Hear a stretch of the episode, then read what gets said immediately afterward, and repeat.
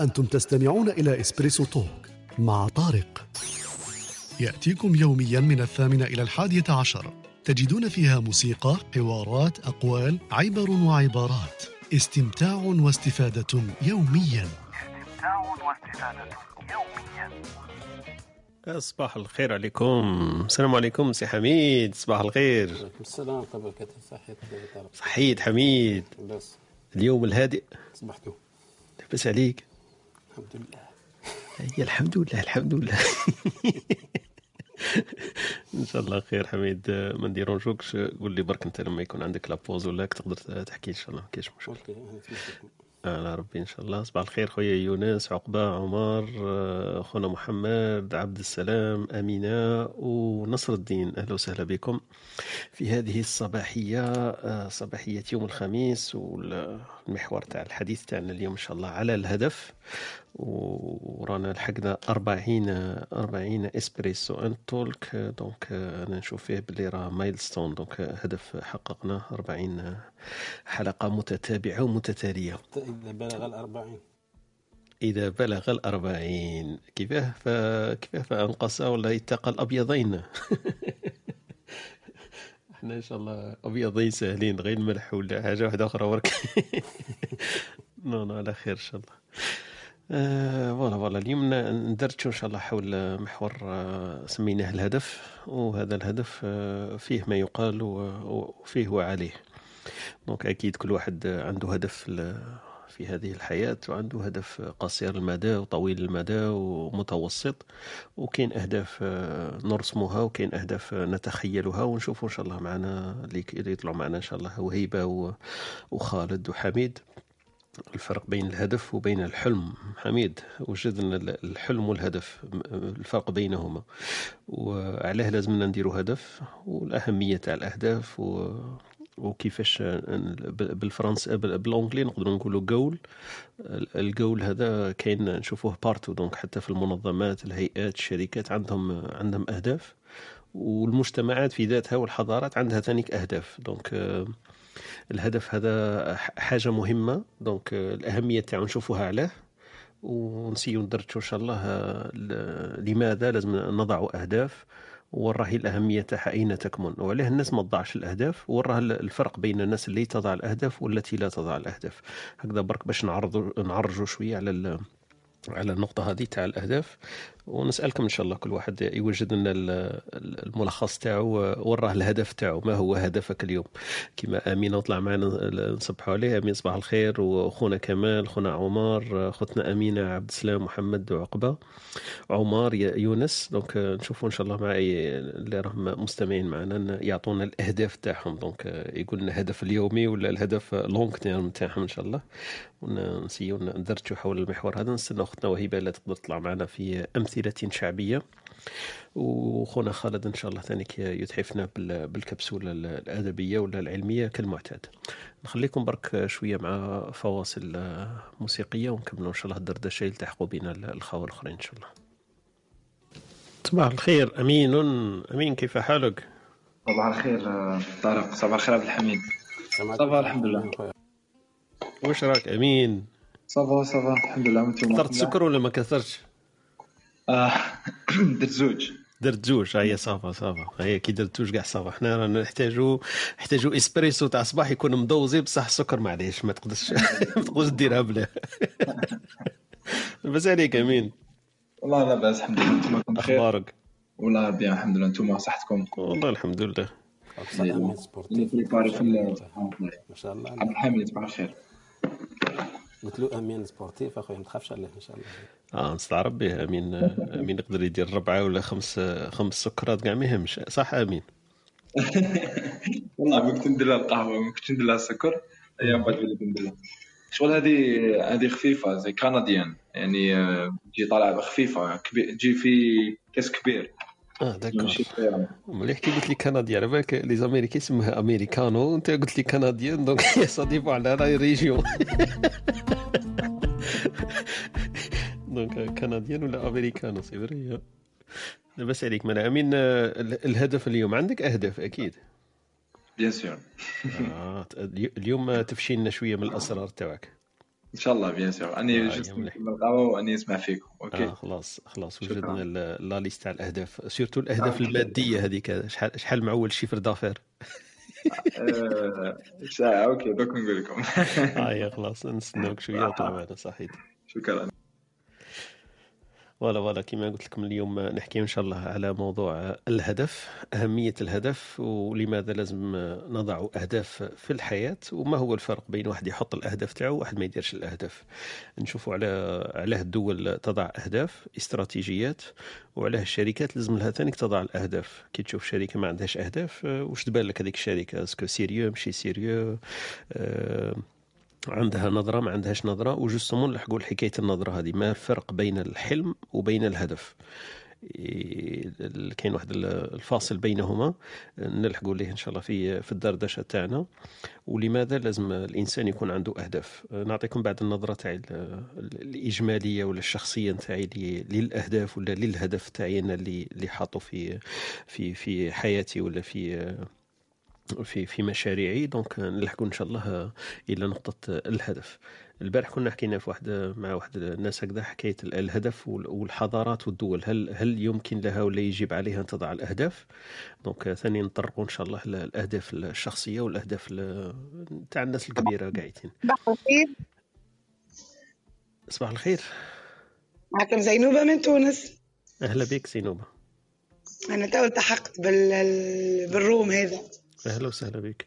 نكملوا برك المقدمة تاعنا وبقي معنا إن شاء الله ن- نلحقوا إن شاء الله في سياق الحديث على الأهداف تاع تاع خوتنا زينوبه إن شاء الله. d'accord؟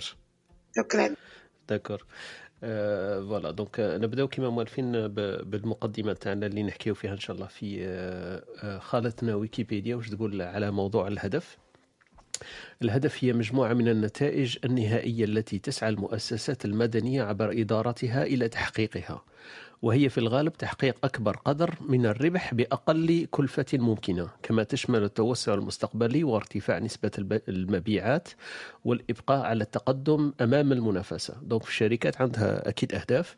من بين الأهداف تاعها هذه هي donc تحقيق الربح والبقاء دائما في المقدمة. كما للعسكريين أهداف يسعون لتحقيقها سواء في السلم أم الحرب. donc الهدف الشركات واهداف ال- ال- ال- العسكرية هذو نقدر نسموها أهداف. أما على المستوى الأشمل فإن للدول أهدافا تحددها استراتيجيتها الوطنية. donc هذه النقطة اللي حكيت عليها قبل donc آه، نقدر نقولوا لأي دولة ولا لأي حضارة لازم لها يكون عندها أهداف استراتيجية تضعها في- في نسب عينها لتحققها. donc هذا ال- الأهداف بالنسبة للدول. donc أنا حكينا على ثلاث ثلاث مواضيع نقدر نديروا فيها الأهداف منها المؤسسات منها ال- العسكر ومنها الدول. الهدف هو ما يسعى إليه الفرد من أجل تحقيقه فالأهداف هي أساس حياتنا فمن منا لم يكن لديه هدف في حياته يريد تحقيقه سواء كان هدفها الدراسة أو النجاح أو العمل أو الاستحقاق ولدينا أهداف كثيرة بحياتنا. دونك على المستوى الفردي كذلك لازم يكون عندنا أهداف والأهداف هذه عندها عندها غايات. سواء كانت في مجال الدراسة في مجال العمل أو في مجال الاستحقاق. نلحقوا لها بعد بالتدريج هذه حكاية الاستحقاق. الهدف هو نهاية علمية لبداية نظرية لتحقيق الغاية والمراد منها إنجاز شيء ما والافتخار به أي أنه تحقق لإرادة قوية تح- تحقيق لإرادة قوية. الهدف هو النتيجة الحاسمة التي يسعى إليها الشخص الهدف له معان كثيرة فمنها أنه الغاية والخيار الأخير الذي يرغب الشخص بالوصول إليه كما يعبر الهدف يعبر الهدف أنه الإنجاز المتحقق على أرض الواقع والأهداف كثيرة بحياتنا فكل شخص لديه هدف. دونك هذه تعريف خلطنا ويكيبيديا على مفهوم الهدف. والنقاط اللي اللي إحنا نتخيلها في مخيلتنا يمكن تحقيقها لتصبح أهداف. دونك هذه على أهمية الهدف واش تقول لنا ويكيبيديا في تحقيق الأهداف. كاين واحد النقاط واحدة آخرين ما راح نطرق لهم في ويكيبيديا. أكيد كيفية تحقيق الأهداف و... والأهداف قصيرة المدى وطويلة المدى ومن بعد نشوف هذيك الأهداف الشخصية والأهداف ال- المؤسساتية والدولية وفي في مجال الذات والمنظمات وكل الأمور هذيك. ما غاديش نطرق ليها لأنه حابين نسمعوا من عند خوتنا ما هي ال- الأهداف تاعهم. donc نبداو بك أختي زنوبه زنوبية ولا زينوبة. donc عندك انت أهداف أكيد في الحياة تقدري تحكي لنا شوية على هدفك؟ صباح النور oui. صباح الخير أختي زينوبة. donc احكي لنا على الأهداف اليوم موضوع تاع الحوار تاعنا. نسمع فيكم أنا وزميلي. يعدي لكم تحية. السلام عليكم. وعليكم السلام. ورحمة الله تعالى وبركاته. ربي يبارك فيكم. شنو أحوالكم أنتم لاباس عليكم؟ والله لاباس الحمد لله. أهلا وسهلا بك. وين في المغرب؟ كيف؟ كيفكم أنتم في المغرب؟ لاباس؟ لا لا الحمد لله. بارك الله فيك. إحنا اليوم نحكيو على موضوع الهدف وأهمية تحقيق الأهداف ووضع الأهداف بالنسبة للإنسان. أه تعطينا مثلا هدف تاعك اليومي ولا عندك هدف في الحياة مخطط له شوية؟ والله برشا أهداف هي. آه مليح إنك يكون عندك برشا أهداف لأنه كاين ناس مشكل عندهم ما عندهم حتى هدف أنت عندك برشا ما شاء الله. وتتحقق بالصبر وتتحقق بالممارسة وشوية يعني آه، آه، طول البال وطول الوقت وطول الزمن. فهمتني؟ وإن شاء الله ربي يوفقنا وكا هو شو نقول لك؟ أحنا طموحاتنا كبيرة ياسر. وطموحاتنا لصغارنا تو أنا خاطر عندي صغار وكل شيء مهم. أحنا أحنا كبرنا وما عادش تو طموحات الكل الصغيرات إن شاء الله. ربي ينجحهم إن شاء. الله. دراسة. والوقت آه، تعرف إني يعني الدنيا صعيبة.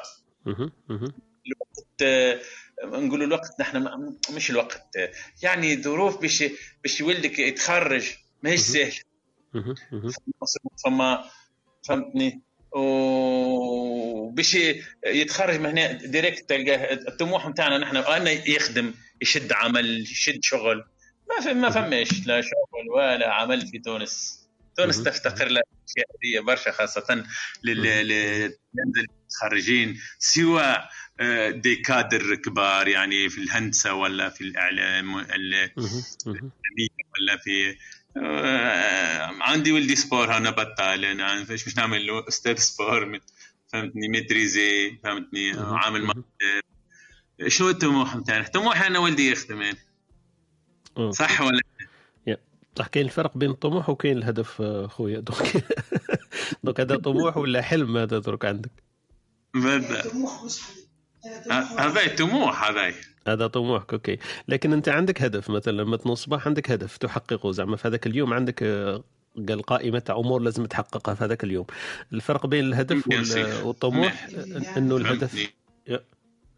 نعمل دويرة نعمل طيارة باش صح صح. okay بارك الله فيك يعطيك اللي الصحة. يتنقل الإنسان. خاطر عندي تنقل صعيب شوي. okay بارك الله فيك. آه، بقى معنا إن شاء الله نحكي إن شاء الله بالتفاصيل هي شاء الله. عندي بارك الله. ونمشي نطلع على الحاجة ونمشي. إيه. مال. ربي يبارك فيكم سيدي وبارك الله فيكم. بارك الله فيك يعطيك الصحة والله العظيم رتحتوا لي مخي رتحتوا لي مخي بالسمح بالسمح. هاي. بارك الله فيك يعطيك الصحة بارك الله فيك أهلا وسهلا. بارك الله فيك. آه، زي آه، زميلي بالعمل ما ما عنده حتى فكرة على كلوب هاوس ما كاش مشكل ما كاش مشكل. إحنا تشرفنا بسماع الصوت تاعو وإن شاء الله بقاو معنا هكا تسمعوا إن شاء الله بالك المداخلة تاع الناس الآخرين. نحكيو إن شاء الله على الهدف اليوم هو الموضوع تاعنا. آه، الهدف أنا بالنسبة لي آه، عندي بعض أهداف يعني من هيا قولي لنا تفضلي ارجاح ال- الاطفال إحنا ديما عندنا أطفال اللي هما مسؤولية اللي هما آه، آه، يعني رسالة في الحياة. الحمد لله نسمى نسبيا وقاعدة نوصل للهدف. آه، بالنسبة معناها في الشغل كي- كيف كيف رسمة خ- بعض خطوط الحمد لله وصلنا لها. يعني هذا إن شاء الله ربي بتسهيل من ربي. إن شاء الله. إن شاء الله. بارك الله فيك. إن شاء الله ربي يوفقك إن شاء الله في, في الأهداف تاعك إن شاء الله. وإن شاء الله يوم مبارك ليك. بقاي معنا إن شاء الله اختنا زينوبة. وإن شاء الله آه، نستمتعوا بال- بالحصة تاعنا تاع اليوم. بارك الله فيك. يعطيك الصحة أختي زينوبة. بارك الله فيك. شكرا. voilà voilà. donc كانت معنا أختنا زينوبة والزميل تاعها في العمل. donc حكاو لنا شوية على الأهداف تاعهم والآمال تاعهم التي يتمنوا إن شاء الله باش يحققوها. donc هذه هي بال- بالطبع كل إنسان عنده عنده محفزات للحياة. من المحفزات اللي تحفزه انه إنه ينهض كل يوم ويعمل ويشقى ويكد ويجد هي وجود الأهداف تاعو. الأهداف تاعو آه، تختلف على كل على كل أهدافه. كاين الناس اللي عندها أهداف كبار وكاين الناس اللي عندها أهداف على قد حالها وبالنسبة لهم هما تبان لهم بلي أهداف كبار. أكيد ما كانش هدف صغير وهدف كبير آه، تختلف على حساب على حساب الناس. donc آه، كما حكينا قلنا هذه على على مجال آه، الأشخاص والأفراد لكن المؤسسات نفس الشيء.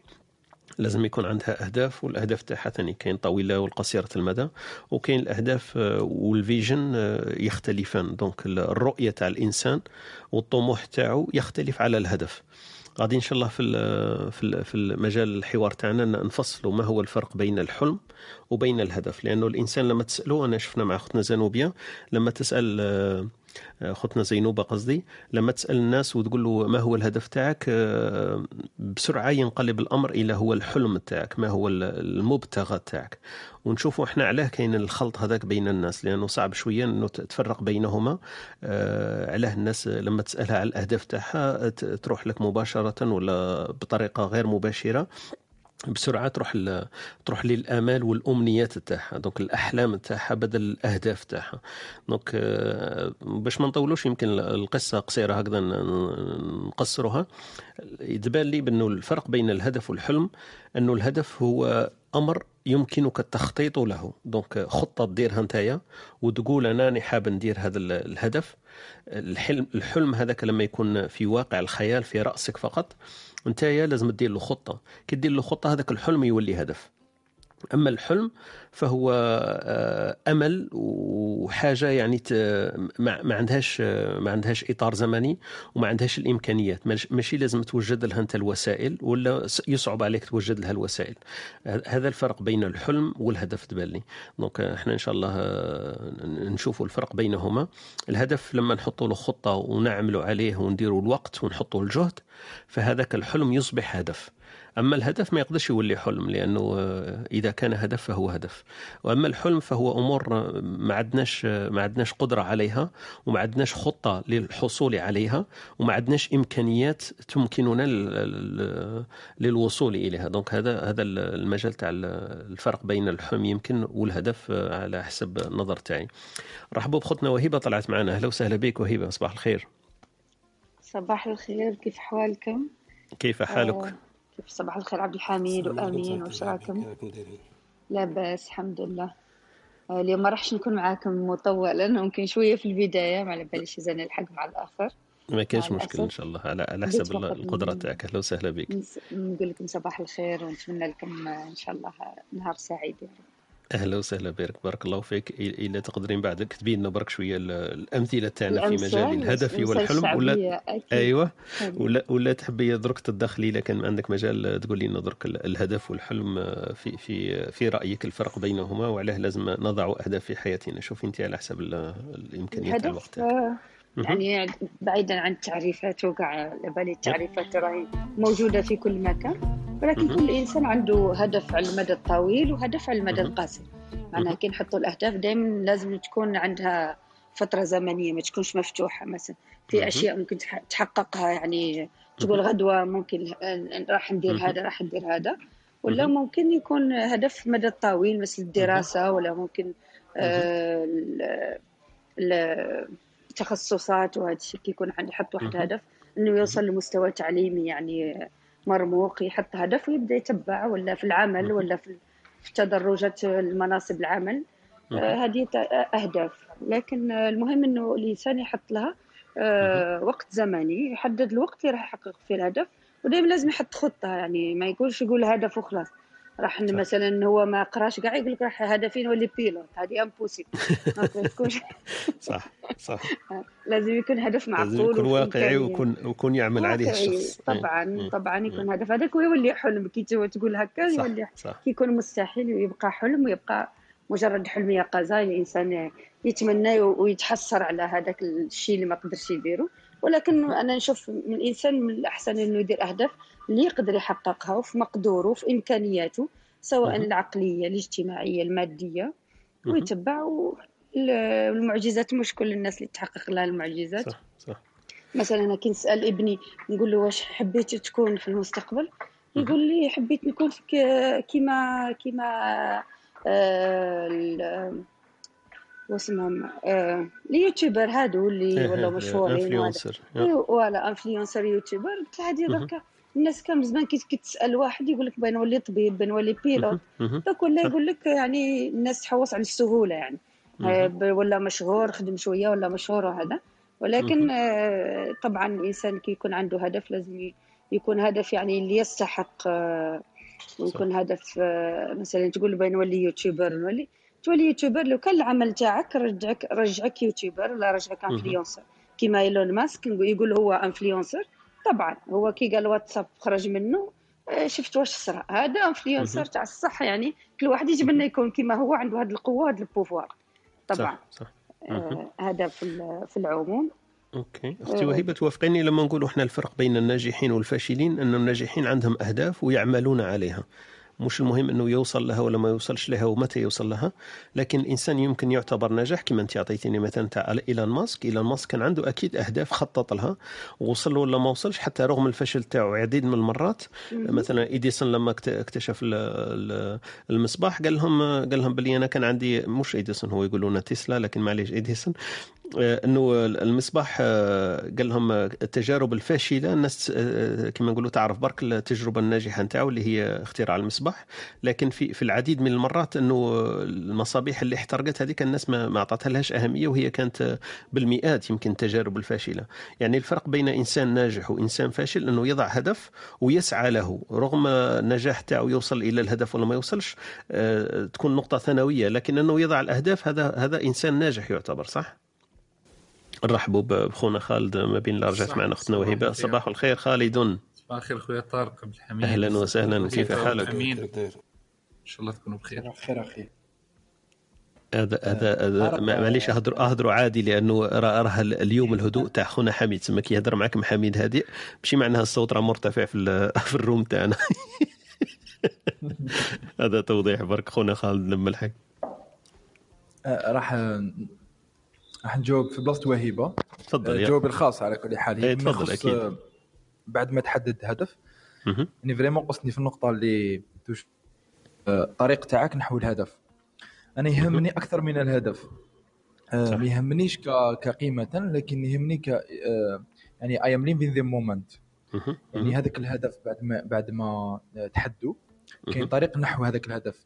حتى هذاك الطريق عنده أهمية بالك مقاربة وبنفس بنفس الأهمية بالنسبة للهدف يعني كيف. كيف هو الهدف.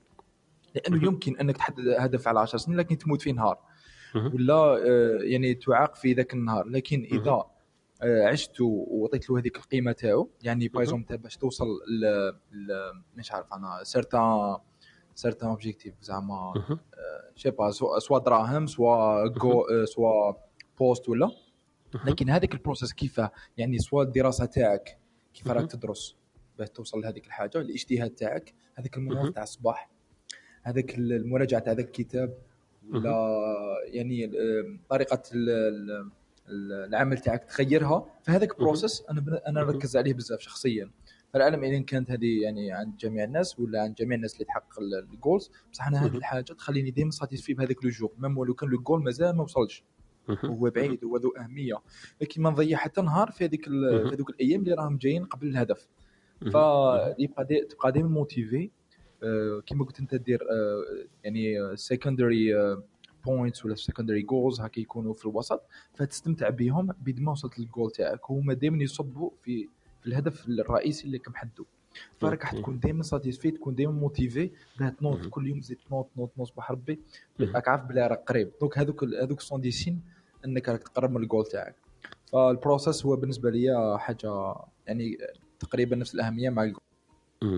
بارك الله فيك أمين. c'est vrai أنت شفت اشرت لنا لواحد النقطة مهمة أنه ال- ال process كما قلت أنت ولا المسار لتحقيق الأهداف لا يقل أهمية على إذا تحققت ولا ما تحققتش. وهذا صح لأنه ال- الهدف هذاك في ذاته هو الغاية هو المبتغى هو هو الذروة. لكن ال- الحواجز اللي تتلقاها باش تحقق الهدف تاعك التجربة والمحفزات والجهد اللي تبذله موش جهد ضائع هذه الفكرة يمكن تاخونا أمين أنه المحفزات والحواجز تعلمك حاجة تنقص عليك شوية لوصول الهدف تاعك. حتى ولو كان ما وصلتش ليه المرة الأولى لكن أكيد راح تكتسب تجارب وراح تزيد الجهد تاعك العضلي ولا البدني ولا المادي ولا المعنوي.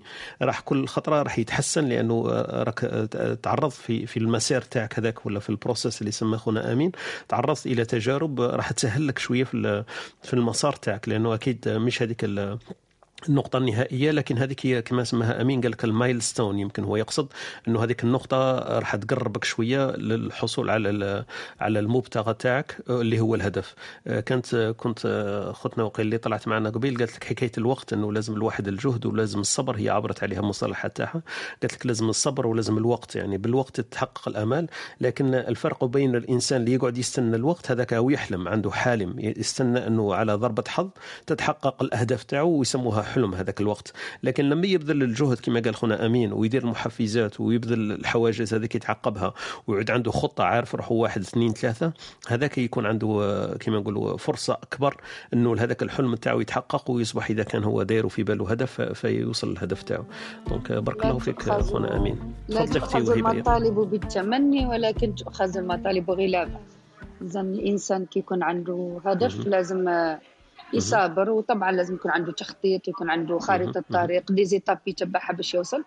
وناخذ مثلا الإنسان اللي يكون عنده مشروع مثلا حاب يديره ويبدأ غير هكا يدير المشروع بلا ما يدرس السوق نتاعو بلا ما يدير آه، آه، un plan بلا ما يدير والو يشد marché ولا والو. ومن بعد ي- ي- ي- ي- ما منه آه، آه، شد الدراهم اللي عنده ما منه نجح. يقول لك جاي ساعه ودار تسعة هذه عندنا. يقول لك الانسان اللي يمشي هكا بدون تخطيط يعني هكا واحد دار حاجة نمشي ندير كيما هي وخلاص بلا ما نشوف est-ce que أنا ممكن ننجح. est-ce que أنا مناسب لهذا المشروع مانيش مناسب. إذا نعطيكم المثل الشعبي الأول هو جاي ساعة ودار تسعة. جاي تسعه والدار تسعة ما شاء الله. جاي تسعة والدار نقولوا قال إحنا. ثاني في المنطقة تاعنا. معروف هذا جاي في كاع والدار مناطق. الوطن يقولوها كامل. والانسان والإنسان اللي آه، يقارن نفسه بالناس. الثانيين.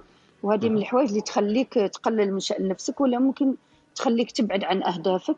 يقول لك شاف شاف قمح الناس كفح شعيره. إحنا عندهم القمح عنده أكثر قيمة من عندهم القمح ياكله الناس. والشعير هذا يعطوه ال- ال- الحيوانات أعزكم. الله البهائم. اذا. قال لك شاف قمح الناس كفح شعيره. معناها إنسان دايك اللي ينشغل بالناس واللي يشوف واش عند الناس واش. هذا. ما ما يركزش على نفسه ما يحاولش يطور نفسه. ودائما مشغول بال... بال... بالحوايج اللي حوله. مازال هذا الشيء يخليك تبعد على أهدافك من الأحسن الإنسان يركز على واش هو باغي على نفسه ويهتم بشغلاته كما نقولوا إحنا صح. حتى. يمكن يركز كل طاقته على الطريق اللي راه هو ماشي فيه صح. بارك الله فيك يعطيك الصحة أختنا وهبة وكاين الثاني قالت لك شاف قمح الناس كفح شعيره دونك هذه أمثلة شعبية تنطق في المناطق الجزائرية ولا أغلب المناطق الجزائرية. أكيد كاين أمثلة تشابهها في هذا المجال.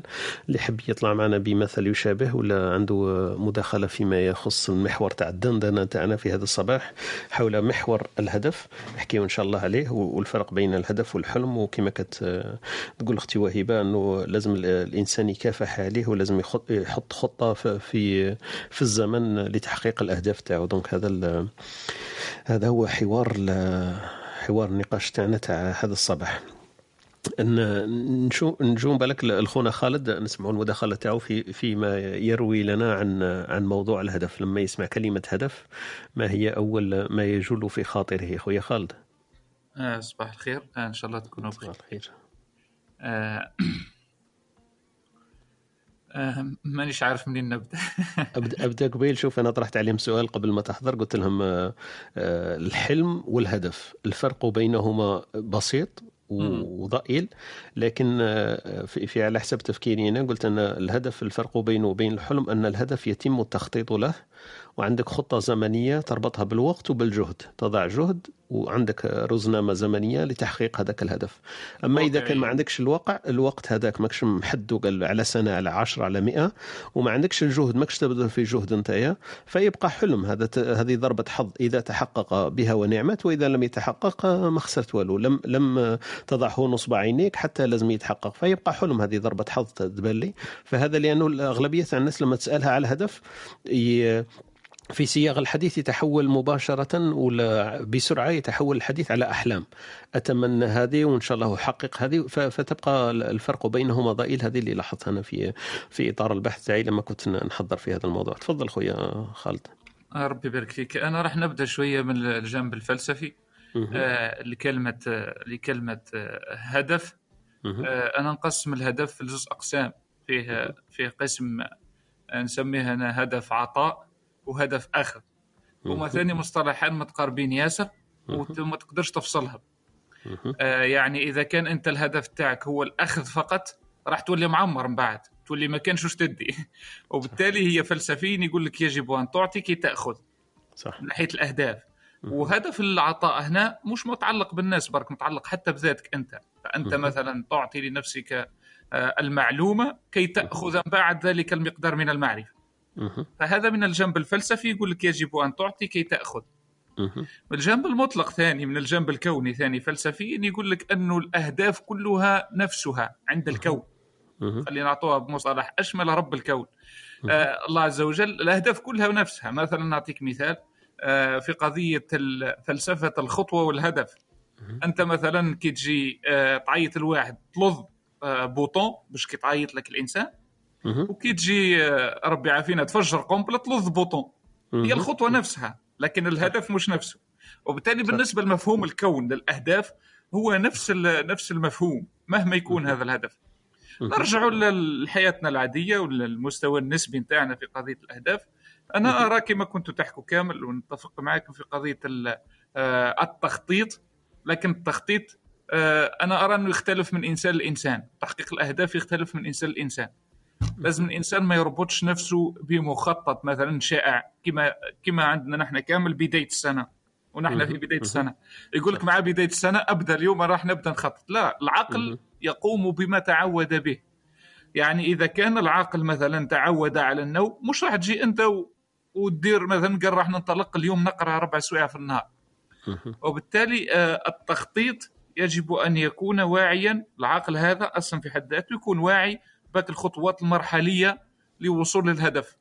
مثلا أنت حاب تشيان مثلا أنت توزن قنطار وحاب غدوة تولي 50 ما تقدرش. لازم تكون واعي العقل لأنه مال فيه السكريات ياسر الجسم هذا لأنه كذا. ما يقدرش في لحظة ما تحبس عليه كل شيء. وبالتالي له باردون الوعي بتلك بتلك الخطوات المرحلية هي أهم مرحلة للبداية في تحقيق الهدف. مثلا أنت راح تطلع مثلا 50 إيطاج وهذا اللي شائع مثلا اليوم حتى في الكلاب هاوس. ديما نقول لهم أنه الوعي بتلك الخطوات المرحلية مهم جدا. أنت ماكش راح تبدل البلاد في نهار وماكش راح تبدل العقليات في نهار. أنت مثلا باش تطلع 50 إيطاج لازم تعي تلك المراحل. ندخل من الباب نطلع في الأسانسير نكليكي على 50 حتى ولو أنها مراحل بسيطة أما تثمينها والوقوف عندها هي أهم مرحلة لتحقيق الهدف. آه هذا فقط آه وربطها بالعامل الزمني الديدلاينز آه والتميز أيضا لأنه أنا ضد سياسة القطيع. مش أي إنسان يتبع برنامج معين أو شائع نروح نتبعه أنا ولازم ننجح فيه. لا. لازم الإنسان يكون متميز لأنه الإنسان اللي يحب ينجح يجب أن يتميز في شيء ما. أنت تبحث عليه هذا الشيء وتتميز فيه وتدير له ديدلاين و... وبإذن الله. مثلا إنسان يقول لك أنا ندير خمس مراحل في العام. لماذا أنا ما نخليش خمس مراحل تلك في الشهر؟ وبالتالي هنا أنا نربح نربح 11 شهر. آه وهذا اللي حبيت نقوله في ال introduction كانش تدخل بارك الله فيك. يعطيك الصحة. أخوي خالد. أنت اشتركت مع أخونا أمين يمكن في نقطة ال milestone, هذو اللي حكينا عليهم قبيل أنه أهمية هو سماها أمين. قال لك ال process هذاك ثاني مهم في في التخطيط الوصول إلى الهدف. قال لك المسار هذاك اللي تاخذه ولا ال process اللي تاخذه لا يقل أهمية في, في تجربتك واكتساب الخبرة. donc أنت عاودت عاودت هذيك ال- النقطة بطريقة واحدة أخرى. قلت أهمية الخطوات وطرحت المثال تاع l'ascenseur آه، رغم بساطة الخطوات لكن آه، لا تقل أهمية. إذا دخلت الأسانسور وتميت حابس وما ضغطتش على الزر هذاك هي تبان لك خطوة سهلة لكن آه، بالأهمية بما كانت. donc النقاط اللي اللي طرحت عليها كلها مهمة صح؟ هي لازمنا الأخذ والعطاء. هذه نقطة جديدة ما كناش دايرينها في في الحوار تاعنا ما حكيناش عليها. الأخذ والعطاء بالنسبة للأفراد ولا بالنسبة للفرد للشخص لذاته والتخطيط لازم يكون ثاني واعي وأكيد لازم يكون متميز الإنسان يضع أهداف آه، كما نقولوا يفتخر بها. ما يض- ما يضيعش مثلا يكون واحد عندي الهدف تاعي إني أستيقظ صباحا. أكيد إن شاء الله تستيقظ صباحا. إلا ما رحتش تستيقظ صباحا مالك مالك كيما يديروا الناس الآخرين. donc آه، هذه هذه نقطة مليحة. النقطة اللي ذكرتها خويا خالد هي مهمة. إنه أغلب الناس ولا كثير من الناس باش ما نعموش كثير من الناس يديروا حكاية الأهداف هذه في بداية السنة. هما يمكن يغتنموا الفرصة هذيك في في التغير ال- الزمني ولا تغير ال- ال- الرزنامة donc ال calendrier donc يقول لك باللي عندي أهداف أضعها والأهداف هذه يحاول يحققها. لكن هي في بداية السنة أكيد ما- نقدرش نقيسوا عليها وما نقدرش نعرفوا جدية ال- ال- الإيمان بها. هو برك يغتنم الفرصة وي- ويحاول إنه يضغط على نفسه باش يحقق هذيك الأهداف. فبداية السنة تبان تبان مدخل مدخل جميل لأنه هو يحاول أنه بداية السنة تكون تكون مقدمة بسهولة أنه يقفز هذيك القفزة ويقول لك خلاص أنا قررت. donc القرار هذاك اتخذه في بداية السنة وتحقيقه من بعد كما نقولوا يتوقف على على المجهود وعلى المحفزات. أنا تبان لي الأهداف مربوطة كثيرا بحكاية المحفز وحكاية الجهد. هذوما نقطتين مهمية مهمتين في المعادلة هذه في تحقيق الأهداف. إذا ما كانش عندي محفز وباش نقوم بهذاك الهدف ما, ما, ما راحش نوصل له وحده. وإذا ما كانش حطيت إذا حتى ولو كان عندي محفز لكن ما كانش عندي الجهد الكافي للتحقيق هذاك الهدف أكيد مش راح نوصل له وهذه نتبان لي هي ال هي ال المعادلة الصعبة في تحقيق الأهداف. إذا حطينا أهداف وحطينا لها الجهد وكان عندنا المحفز قوي بما يكفي الكفاية لتحقيق هذاك الهدف أكيد راح نوصلوا لها. يبقى عامل هذاك ال- الوقت آه، يختلف على حسب الجهد. إذا حطينا جهد كبير ينقص الوقت وإذا حطينا جهد قليل أكيد راح ينقص راح يزيد الوقت. فهذه النقطة أكيد راح نرجعوا لها. آه، فيما حكينا قبل في في المداخلة تاع خونا خالد أكيد تطرق هو ال- الأهداف ال- ال- ال- الأشخاص كأفراد وأهداف ال- الدول والحضارات والأمم. أكيد عندها أهداف. إحنا قبل في التعريف تاع ال- الويكيبيديا حكينا على أهداف الشركات حكينا على أهداف الأفراد وحكينا على أهداف العسكرية والأهداف ال- ال- ال- الدولية ولا للدول عندها لازم يكون عندها أهداف لتحقيق ال- ال- الأهداف تاعها. هذيك لازم يكون عندها خطة لتحقيق الأهداف. أنا نزيد عليها يمكن حتى المجتمعات لازم يكون عندها أهداف. donc أهمية تحديد الأهداف هذه آه، بالأهمية بما كان. خالد راه مازال ما قلناش على الهدف تاعو. آه، أمينة وقالنا عليه قلنا تقريبا شوية بصح ما عطاناش ال processus وما عطاناش الديتاي هو الهدف تاعو. نعاودوا نرجعوا لها من بعد كل واحد يوجد لنا القائمة تاع الاهداف تاعو. إذا كان واحد يكفينا وإذا كانوا أكثر ف... فان شاء الله نسمعوا حميد كنت حابب تقول شيء تفضل. إيه قبل ما نرحبوا باختنا ياسمين أنا مانيش معك d'accord ما بين الحلم والهدف؟ لا الفرق أنا حبيت نحط الفاصل بينهم هذاك الفرق مانيش d'accord معك هيا روح قول لي قول لي أنا يعجبني لما لا تكون ماكش d'accord على هذه. لا لا قول لي من بعد سهل تفضل اي روح. أنت برك. مفكر ماذا بينا أنا يعجبني يعجبني. قلت له أنا يخرج لي قلت لك خرجت من القصب أنا على بالي نخليه هو التالي parce que هو تهدر تهدر واحد الساعتين وبعد يخرج لك حميد يفاصل كاع هذاك يضربها لك في الصفر فاصل. تفضل. تفضلي أختي ياسمين صباح الخير رحبوا بها. كما قال لك أهلا وسهلا بك أختي ياسمين. أهلا بكم. السلام عليكم. آه، إن شاء الله تكونوا بخير. ما تبعتش الحوار من اللي بدا donc آه، بالك راح نعاود نقاط اللي déjà تقالوا آه، بصح بديت آه، كي كان يهدر خالد على الأهداف السنوية وال- ومن بعد يقلصها. خالد ديلا غلط كيما يقولوا كوريجمون سي جو مو ترومب نورمالمون قال بليك ممكن تقلص أهداف خمس أهداف في السنة ترجعهم خمس أهداف آه، خمس خطوات في السنة ترجعهم خمس خطوات في الشهر آه، باش تسرع لو بروسيس تاع تاع تحقيق الأهداف تحقيق الأهداف أوكي مهم. آه، بصح أحيانا أنه هذاك آه، هذاك الضغط اللي الواحد الواحد يمارسه على نفسه باش يلحق لهذاك الهدف يقدر. يشكل خطر على صحته النفسية اللي هي شيء مهم. جدا لأنه من. دون صحة نفسية كي ما تكونش قويمة ولا سوية ما راحش. تقدر أنك تكون productive وتلحق ل l'objectif تاعك ما راحش. تكون فعال باش توصل لل لتحقيق الأهداف. ومن خلال تجربتي الصغيرة في الحياة تعلمت. أنه أنه the balance to keep the balance أنك تحافظ على. التوازن ديالك في في في مسارك في الحياة مهم. جدا جدا للوصول إلى إلى تحقيق الأهداف ديالك باش تاني الواحد. ما يسوبر pas pendant sa route وتاني صح. نقطة مهمة جدا أنه الواحد أحيانا لازم يدير des pauses في حياته آه، كما يقولوا في, في les rooms تاع تاع Clubhouse نقطة نظام أحيانا نحتاج إلى نقطة نظام في حياتنا آه،. باش نعاودو ن- نعاودو نديرو آه، تقييم لما مضى. ونشوفوا la vision تاعنا وين رانا رايحين لأنه. الهدف الأسمى ولا la destination finale مهم. هي نفسها في آه، في حياة الإنسان إذا كان. عندك رسالة في حياتك la destination finale ولا la vision ديالك le but ديالك مهم. يكون هو نفسه كما الأخرين الأخرين رايحين يكونوا steps مهم. في آه، كما يقولوا درجات في سلم. هذوك الدرجات يقدروا يكونوا plan A يقدروا يكونوا plan B يقدروا يكونوا plan مهم. لذلك حبيت نركز إنه ممكن تختلف ممكن تختلف آه، الأهداف ال- اللي نبداو بها. باش نوصلوا لل- للوجهة ديالنا من مهم. الأهداف اللي رانا فيها حاليا آه،. إنه الصحة النفسية مهمة جدا جدا جدا آه،. والحفاظ على التوازن لإبقاء الفعالية الإنسان. وثالث نقطة مهمة اللي نشارك فيها مع مع خالد هي إنه milestones start with small steps البارح كتبت it's okay to walk with baby steps آه معليش أي أي خطوة ولو كانت صغيرة لازم on valorise لازم نقيمو واش رانا نديرو.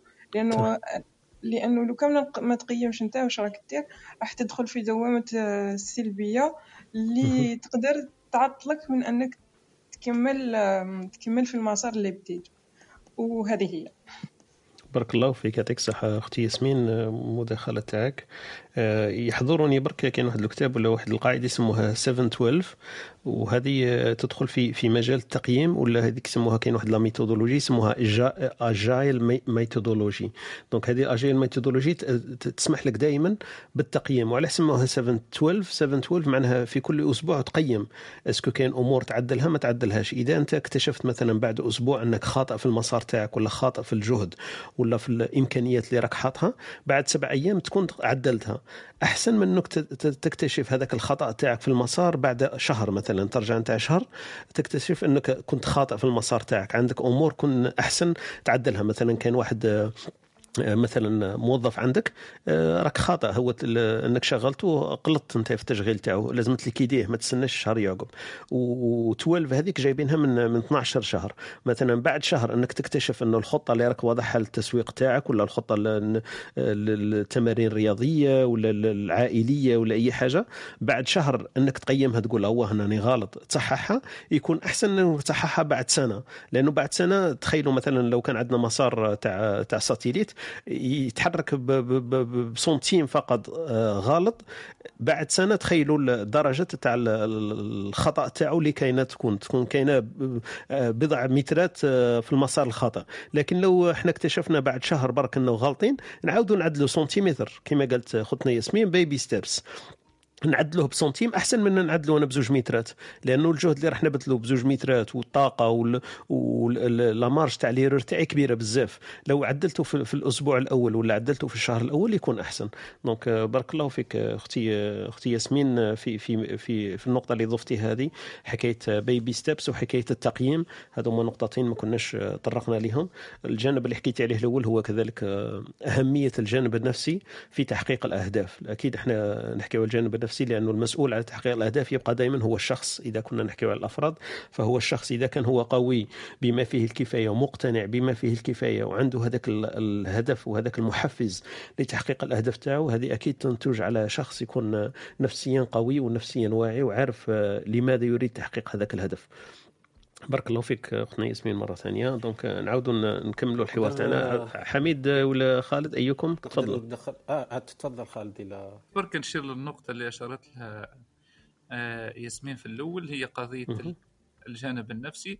الناس تفوت على الفكرة بلا ما نفصل نخاف ندي الوقت آه، هو أنا قلت باللي ما كانش حاجة ستوندار في. ال- تحقيق الأهداف مهم. لذلك علاه أنا ربطتها بخمس خطوات مثلا في العام وخمس خطوات في الشهر. وأنه الإنسان يعرف ذاته يعرف طريقة تميزه لأنه كي نجو نحكوا على حتى الجانب الطاقوي للإنسان هو عبارة. على énergie ال énergie. هذه أكيد تختلف من إنسان لإنسان ما كانش. إنسان عنده نفس ال énergie تاع الآخر آه، وال énergie هذه جاية من قدرة جاية من استطاعة جاية من power مهم. درك معرفة الإنسان لل power هذيك تخليه يعرف يوزع آه، حسب ال standardisation تاعو هو مش. تاع طرف آخر ساعات. واحد يقول لك حقق هدفك في في في ستة أشهر لا ما كانش مهم. حاجة standard سما قادر تدي أنت أكثر عام وقادر تدي ثلاث أشهر. سما معرفتك تاعك قصدك. لل- لل power تاعك هي أهم خطوة. صح. من بعد نتفق معك تمام أما ديما نرجع. للنسبية. إنه ما تقدرش ما تقدرش تدي كل شيء في أن واحد. لازمك تضحي سواء من الجانب النفسي. إذا كان يهمك الجانب النفسي في في شخصيتك أكثر من الجانب الآخر في النجاح ذاك فأنا آه، معاك. أما إذا كان يهمك ذلك النجاح الشغف نتاعك أكثر حتى ولو تضحي بنومك حتى ولو ده وهذا اللي داروه أصلا حتى كي تشوف العلماء كامل مرضى حتى صحيا بعد. وبالتالي أنا أن ال- ال- البال- البالانس هذاك آه هذاك هو المخزن تاعنا نحن أصلا كمسلمين. المخزن تاعنا هو نطيحوا فك البالانس هذاك. نحافظوا على الطاقة تاعنا النفسية وفي. نفس الوقت نكونوا نكونوا ناجحين ونحققوا الأهداف. آه أما مش بالسهل. بارك الله فيك خويا طارق اسمح لي حميد. لا لا تفضل. Bien أنا فرحت كيف فتو parce que قلتو كاع على واحد les points اللي كنت باغي نهضر عليهم. نجرب أنا ننظمهم برك إذا تسمحوا لي. كاين المشكلة راهي في اللغة. أنا المشكلة تاع ال- هذو الصوالح قريتهم فرونسي donc ما بالعربية راح يطرح لي مشكلة خاطش علاش كلش راه مجمول فيه هدف. في الفرنسي معليش أنا أنا أنا وخالد نسيو نترجموا لك روح. آه.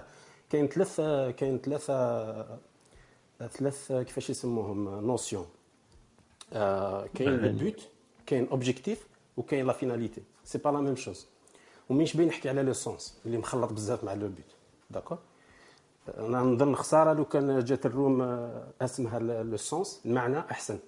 بصح آه، مليح كي جات الهدف لاخاطش علاش المره الجاية مرة واحدة أخرى إن شاء الله نديروا المعنى خير درك واش دوك كي نبداو نهضروا هكذا لو كان نشوفوا زعما ش- ش معناتها le but وعلاش لازم نفرقوا ما بيناتهم؟ هذه هذه la question اللي لازم تنحطوا علاش لازم نفرقوا ما بين le but objectif و finalité خاطش مشكلة لو كان نديروهم كاع في في في سلة واحدة ممكن تختلط علينا الأمور.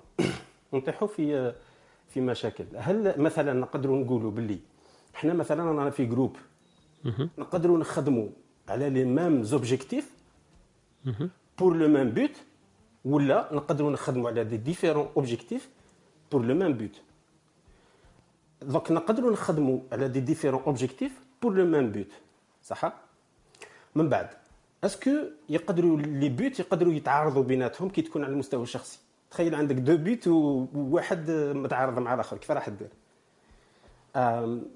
دروك علاش كاين هذه القضية تاع ال buts وال objectifs le but فيه l'énergie اللي كنتوا تحكوا عليها صح؟ مثلا أنا عندي groupe هكا أنا ولا ولا راني باين نخدم نخدم مع groupe على على حاجة. ولا مع روحي c'est la même chose تعاود تpratiquيها تلقى la même chose. نخطط نقول باللي انايا مثلا آه، le but يجي دائما vague هكا ما, ما عندوش ما عندوش حاجة précise على هذيك اللي قلت لك آه، ما تخلطوش مع الحلم و c'est dommage هذاك هذه الهضرة جديدة ولات تنهضر باللي ال- إلا بغيت الأحلام تاعك تتحقق لازم دير أهداف أنا أنا مانيش d'accord مع هذا. بصح معليش نشوفوا علاش. donc تخيل دوك نبدا le but قلت فيه l'énergie شنو معناتها؟ هو فيه la valeur تاع الحاجة اللي فيها la motivation مثلا le but تاعي انه ندير ندير la spécialité الفلانية. واحد من les objectifs تاوعي يكونوا إلا كنت في ال terminale انه نجيب نجيب الباك. صح؟ donc quelque part أنا décidيت باللي شحال يكون ال but تاعي يكون عنده قيمة عندي شحال راح l'objectif شحال تكون عندي énergie في l'objectif بصح l'objectif لازم يكون فيه هذوك ال- الخمسه caractères هذوك لازم يكون لازم يكون آه، ملموس لازم يكون mesurable تقدر تقيسو لازم يكون acceptable لازم تacceptيه لازم يكون في الطون. راك شايف هذوك الخمس معايير هذوك باش دير objectif لازم يكون très précis objectif précis غير واحد يبدا يقول لك باللي objectif تاعو يبدا يخلط عارف باللي راه يهضر على le but donc le but فيه l'énergie l'objectif فيه le process ال process اللي كان يحكي عليه خالد. donc في un groupe يقدروا تقدر pour un seul un même but مثلا قال بلي نبغي نطلعوا المبيعات في حاجة. من بعد أنا كي على des objectifs قادر plusieurs groupes يخدموا في un objectif ويقدروا plusieurs groupes يخدموا في des, des, des objectifs différents وب la méthode هذيك تاع agile اللي هضرت عليها ممكن تقدر تستعملها ولا تستعمل d'autres méthodes باش تقدر توصل ل le but final. finalement le but final هو اللي يحكي عليه ال manager ويحفز به الناس quelque part parce que انت كنت تعطي des objectifs برك الناس ممكن ما عندهاش l'énergie أنه تخدم. le plus تتوضح le but وتعطي image شابة عليه plus عندك l'énergie في les objectifs تاعك. est-ce que هذه القضية مش عارف إلا باينة ولا مش باينة؟ لا باينه باينه أكثر من ال but. صح كمل. donc donc إي- finalement لو كان أنت مثلا تبغي تروح تقول باللي آه، نبغي نفهم على le but تلقى بزاف ناس دايرين le but تاع الحياة دائما دايرين يحطونه هو الأول. آه، هنا يطرحوا بزاف أسئلة type psychologique وفلسفي يقول مثلا أنا est-ce que راني صغير؟ أنا donc راني صغير مثلا عندي 16 سنة ولا est-ce que أنا je suis censé يكون عندي ال but تاعي تاع الحياة آه، واضح؟ مش سهله على بالك. كيفاش تقدر يكون عندك but تاع حياتك واضح راك انت عندك 16 سنه إن شاء الله يdemandé عليا حاجة اللي ماهيش logique أنه تكون عندي. فهمت؟ كي واش هي ال énergie اللي راح تدمرني في حياتي أنا. donc هذو les questions هما اللي ينحطوا صح. c'est-à-dire le sens تاع le but مع التالي la finalité اللي يسموها ولا ولا ولا le sens اللي هو أعم هو ال هو ال الواعر كاع في الخدمة. mais هذا ما يندارش شغل هكا ما يندارش في في فترة زمنية صغيرة. بصح تكون عندك شغل une vue عليه برك.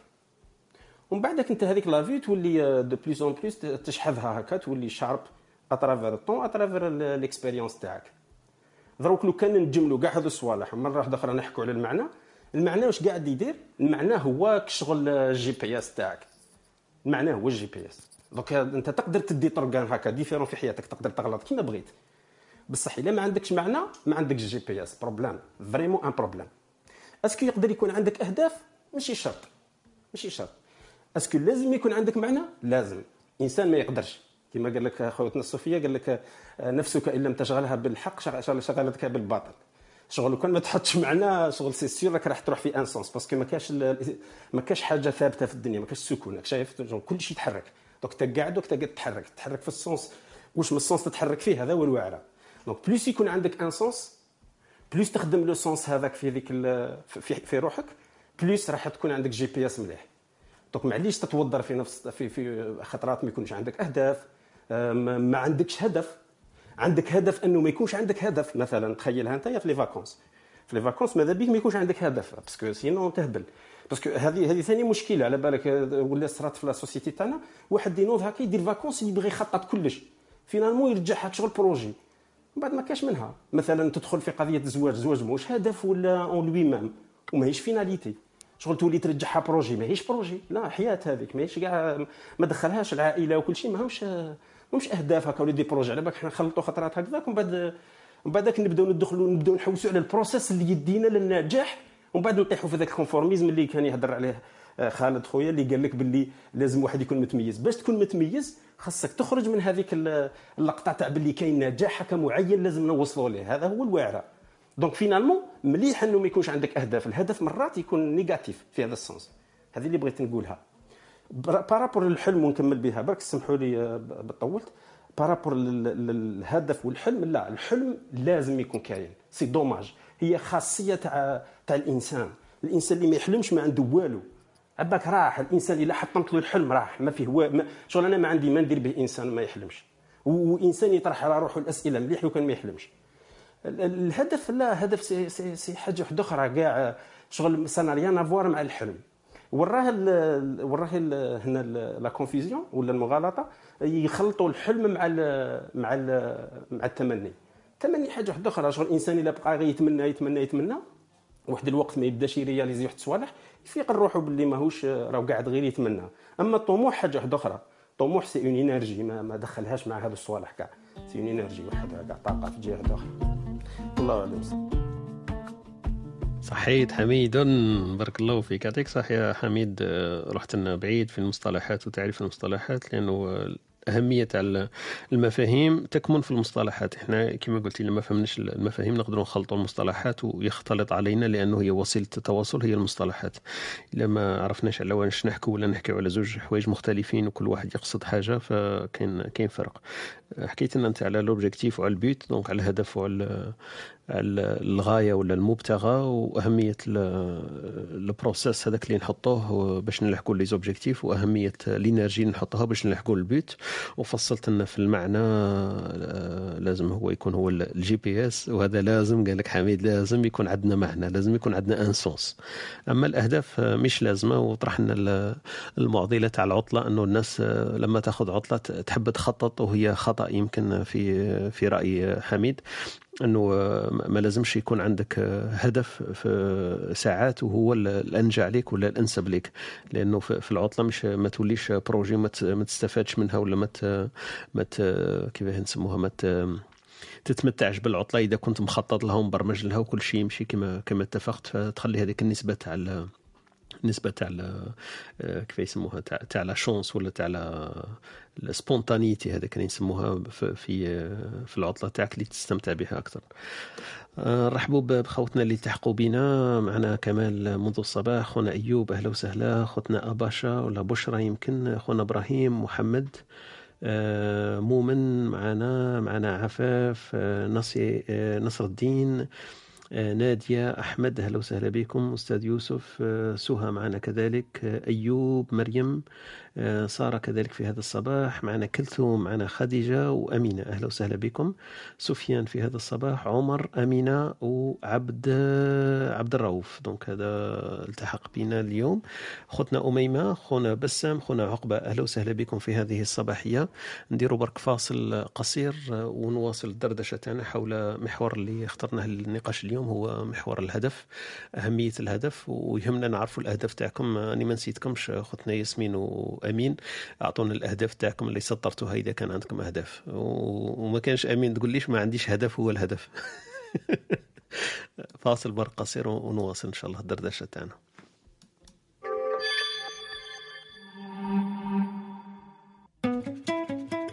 أنتم تستمعون إلى إسبريسو Talk مع طارق. يأتيكم يوميا من الثامنة إلى الحادية عشر.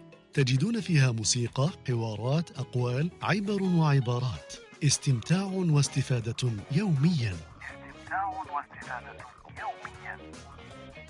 استماع واستفادة يوميا. هذا المبتغى تاعنا إن شاء الله. donc voilà آه، خونا حميد زاد نقطة ما حكيتش عليها. أنه فسرنا في حكاية الحلم أهمية الحلم. لازم يكون عندنا حلم لأنه بالأهمية بمكان في حياة الإنسان. وقال لك الفرق بين الحلم والتمني. donc آه، كاين ثاني فرق بينهما. وحكى لنا ذلك على حكاية آه، الطموح donc لازم ال- الطموح تاع تاع الإنسان والفرق بين هذه المصطلحات. آه، رحبوا بخونا أيوب. آه، أيوب صباح الخير. صباح الخير أخي طارق وتحية طيبة لك وتحية أطيب لكل الحاضرين والمتواجدين والمتواجدات. وموضوع ما شاء الله ولكن إحنا الله غالب كيشغل شوية في الخدمة ماشي. كيما في الدار في الدار نستخدم الواي فاي تما نبدأ معكم ملي أهلا وسهلا تفضل. يا تفضل معليش. ولكن هنا شوية يسمى بالدخول متقطع. آه، راح يكون كلامي ملخص ويكون واضح إن شاء الله وكاع الناس يفهموا اولا يجب علينا أن نفهم هذه العبارة اللي حنقولها اللي هي تحديد الهدف ثم السعي إلى تحقيقه. تحديد الهدف هي أنك تحدد هدف إلى إلى ماذا تريد أن تصل. وكما كان يقول الأخ لازم لازم الأهداف اللي تحددها لازم اللي تستفاد منها ولا ال- اللي تفيدك. حتى الأهداف يجب يجب يجب أن تكون لها دراسة. يعني أنت قال مش عارف أنا نحن ولكن كلام هكذا وخلاص. قال أنا حاب ندير كذا أنا حاب ندير كذا وما تسعاش. كأنك ما كدير في حتى حاجة. ال- ال- السيارة لو كان ما تعمر لهاش الوقود ما تمشيش. يتسمى آه، الخبز لو كان تحط ولا اللحم مشوي تحطه قدامك. من الصباح حتى العشية وما ترفدوش توصلوا لفمك ما يوصلش. اذا ركزوا على السعي إلى تحقيقه. تحديد الهدف ثم السعي إلى تحقيقه. شحال من واحد يحدد يحدد هدف وبعد يقول لك آه الهدف ذاك أنا ما وصلتوش وجات أشياء وجات ظروف وجات ظروف. أنت ما أنت ما اجتهدتش بعد توصل إلى ذاك الهدف لأنه إنسان إذا اجت- اجتهد وحب يوصل للهدف مهما كان يوصل له. نعطيك أنا مثال. أنا كفيف ما نشوفش. بصح كي كي صممت باه نتعلم ال vélo تعلمته ك- ك- ك- كان يقول لك انت كيف سوق ال vélo وما تشوفش وما وكذا وكذا. بصح أنا درت واحد الحالة إنه لازم نتعلمه طيحتني عشر مرات بصح تعلمتها. اذا الهدف كي ترسمه وتحب وتحب ذاك الهدف وت... و... وتقول باللي راح يوصلني الأشياء هذيك هذيك الأشياء اللي راح يوصلك لها هذاك الهدف يعني. تهون أمامها كل المعاناة ولا كل الصعاب اللي راح تجي قبل هذاك الهدف. ولكن ولكن كي تقطف الثمار تاع هذاك الهدف تريح. واحد من الصالحين شا قال لهم. قال لهم عالجت قيام الليل سنة فاستفدت منه عشرين. أنني باغي ما- آه، مانيش نتحدث لكم عن الدين ولكن اني أني أني باغي نوصل لكم المعنى. عالجت قيام الليل سنة فاستفدت منه عشرين لأنه من بعد كانت كي كي تتميزر ولا تحس بهذيك ال- ال- الأشياء ال- ال- اللي تجينيك في حياتك بصح كي تقطف الثمرة تريح. تريح كي تقطف ذيك الثمرة وتوصل إلى ما وعادي كما يقول لك الصيفية اللي يخاف من الطيحات مركب. تسمى أنت بالك تقول اصطاد ماشي في أول عقبة آه ت- بت- بتخلى على الهدف تاعك إذا رسمت هدف وكان هذاك الهدف يعني صح رسمته وراح يوصلك إلى مبتغاك اسعى إليه بيديك وبرجليك. تسمى ما ما تستسلمش من أول وهلة وتقول آه ودي ما كاش منها الهدف هذا ما آه ما كاش منها واحد. وكاين اللي يعمم يقول لك آه ودي ما كاش منها ما كاش منها. أنا يقول لك أنا سطرت 100 هدف وما وصلت حتى الهدف. إيه على خاطر أنت ما كنتش صارم ولا ما كنتش جاد. هذا ما أود قوله وربما إذا أخطأنا فقومونا. واذا وإذا كنا صائبين فاشكرونا. السلام عليكم. لا لا لك الشكر اخويا أيوب بارك الله فيك. مشكور حتى على المداخلة وعلى الجهد تاعك ونستعرب بك. هذه هذا نقدروا نخرجوا به كملخص في الأخر. قاعدين نعاودوا نذكروا أنه أيوب قال لك أنا كفيف وتعلمت نسوق ال vélo وكان عندي هدف نسوق ال vélo. فالناس اللي راهي اللي راهي تشوف في بالي donc إلى قالها برك تسمع وتنحني احتراما وإجلالا لخونا أيوب عن- عنده هدف ما شاء الله. donc قال لك كفيف وتعلمت نسوق ال vélo. donc أحكوا كما تحبوا والله يسهل عليكم. كان عندي هدف حققته. خونا أيوب جاب لنا كذلك أمثلة شعبية parce que حكينا صباح مع أختنا وهبه في أمثلة شعبية. نعاود نذكر بها الأمثلة الشعبية اللي حكيناها صباح مع أختنا وهبه قالت لك جاي يسعى والدار تسعى وشاف قمح الناس كفح شعيره. دونك هذا المثلين اللي جبت لنا أختنا وهبه لكن خونا أيوب اضاف لنا اثنين يمكن من حيث لا يدري. الأول قال لك اللي خاف من الطيحات مركب هذا مثل قالوا لنا خونا أيوب قبيل. والمثل الثاني ولا يمكن المقولة هو اللي قالها قال لك من من غير الخوض في في الأمور هذيك ال- الفلسفية الدينية. قال لك عالجت قيام الليل سنة فاستفدت منه عشرين. donc ما شاء الله خويا أيوب بارك الله فيك ومداخلة قيمة وفي أهمية الجهد الذي نضعه في التخطيط للأهداف. بارك الله فيك خويا أيوب مرة ثانية. donc خوتنا اللي راهم مستمعين معنا نرحبوا بهم اللي التحقوا بنا خونا راس خونا عمر خونا كمال وال- والبقية والجدد اللي جاوا معنا كذلك خونا صلاح خونا خوتنا هاجر آه، خوتنا مريم خونا عصام آه، أيوب والبقية ال- الذين يستمعون معنا إن شاء الله يكون الاستفادة عامة لل- للجميع. نرجعوا نرجعوا خويا أيوب. قبل ما نكمل معك أنت مادام راك معنا درك قلت لي ما عندكش يمكن مجال من الوقت إنك تتدخل معنا أيوب أعطيني الهدف تاعك مثلا المستقبلي الفيلو أنا عرفنا خلاص تعلمتها اعطينا الهدف عندك هدف مثلا؟ آه والله. ما تقوليش خلاص وأنا حققت كل الاهداف لا لا لا لا لا ما ت... ما كاش منها. الإنسان طماع حتى تخرج روحه. صحيت. هكذا قال قبيل حميد. قالنا الذي ليس لديه حلم وطموح فهذا ال... هذا يسموها شع... آه، يسموها شمعة منطفئة. هذا ما عندوش ما عندوش أمل وما عندوش طموح. فإحنا نحكيو نحكيو على الهدف. أعطينا الهدف تاع أيوب إن شاء الله. أخي طارق أنا والله هدفي هدفي شوف هدفي في هذه الحياة والهدف الأسمى وهذا هو اللي راني نحوس عليه بالذات هدفي أنه يكونوا عندي شوية دراهم باه نخدم الآخرين. أنا أريد أن اكون أنا نحب نحب نكون نحب نكون يعني نحب نكون نعاون الناس. نحب بالشيء اللي نقدر عليه نحب نكون نحب أنايا نفرح. واحد ما يقدرش يشري لحم ونشريه له أنا. نحب نحب نعيش ديك نحب الطاقة تاعي أنا الطاقة تاعي الإيجابية ولا الطاقة تاعي اللي تخليني نعيش مليح أنني كي نفرح واحد ويفرح ونحسوا باللي فرح ذاك الإنسان ونحسوا باللي نحسوا باللي هكا أفراح ولا طفل صغير هكذا تفرحوا بحاجة ويقول لك عمو ربي يحفظك ولا يقول لك لا أنا هذيك الفرحة نتاعو نعيشها أنا بأضعاف ما يعيشها هو. هذاك اللي أنا نتمنى إن شاء الله يكونوا عندي شوية دراهم ونكون إنسان إيجابي في المجتمع ونصلح ما بين الناس هذا هو هدفي الاسمى أما في الدنيا خلاص أني أني أني متزوج بزوج نساء. عندي وليدات اللي اللي 11 سنة آه 11 سنة وأنا عايش بلا أولاد كان عندي الهدف الرئيسي الاسمى أنه يكونوا عندي أولاد كان عندي الهدف شوف شوف الإنسان كلما كلما هذا هذا واش نبغي نوصل لك الانسان كلما بلغ هدف كلما جاه هدف واحد آخر. أنا كنت نقول صح. نبني نبني زوج شنابر ونسكن هذا هو هدفي في الدنيا. بنيتهم آه الأهداف تبدلوا ولات واحدة أخرى. كلما تصل إلى هدف كلما ت...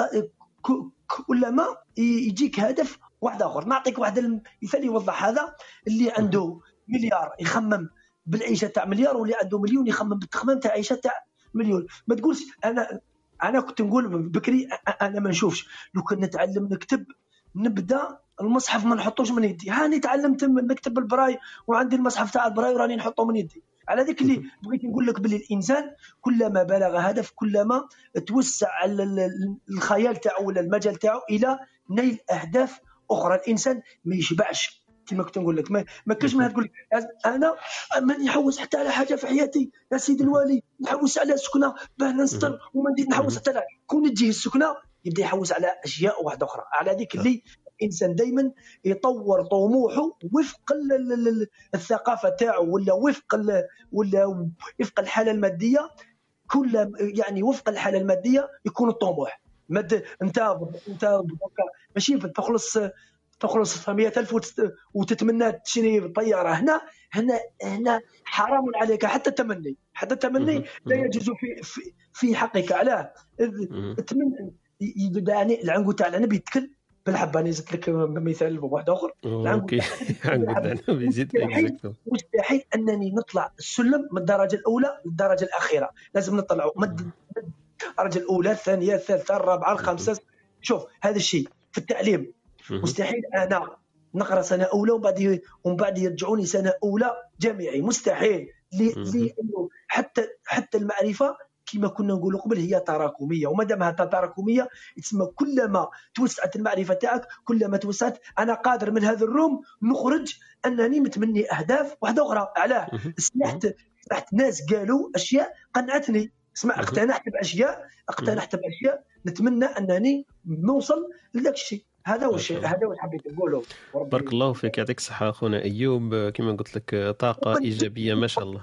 طارق أنا ما نوجدش في هذه المواضيع. أنا والله العظيم اني نسمعكم كيما كنت تهضروا عندي 10 دقائق من اللي سمعتكم فقط. ما شاء الله. لا لا يعطيك الصحة بارك الله فيك يعطيك الصحة أخونا أيوب. اني نقول لك الموضوع الجاي يحكي على الجمال. donc أنت أنت حكي لنا في هذا الموضوع. وجد أن عندك الا درنا غدوة ولا درنا يوم الاثنين الجاي أني نحكيه لك هكذا à l'avance donc بارك الله فيك. يعطيك الصحة. الجمال. نحكيو على الجمال. في جمال الخلق جمال الروح جمال الإنسان في كل شيء. هكا نوجدوا له شوية صحيت صحيت. لا لا بارك الله فيك.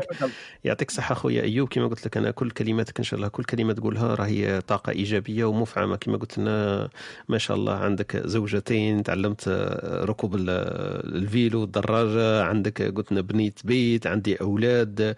donc هادو كامل كانوا عندك أهداف وحققتهم وما شاء الله عليك. و... وكما قلت لما نحكيو للناس ونقول لهم باللي خونا أيوب كفيف فيزداد ال... يزداد الانبهار ويزداد الطاقة الإيجابية اللي تكون عندهم أكيد لما واحد ما يقول لك أنا ما نعرفش هذه ولا ما نديرش هذه فأكيد إن شاء الله يخرج بفائدة ويخرج بقدوة حتى لو كان تحمس تحمس بسيط. أمين تفضل خويا. أمين حبيت تزيد حاجة؟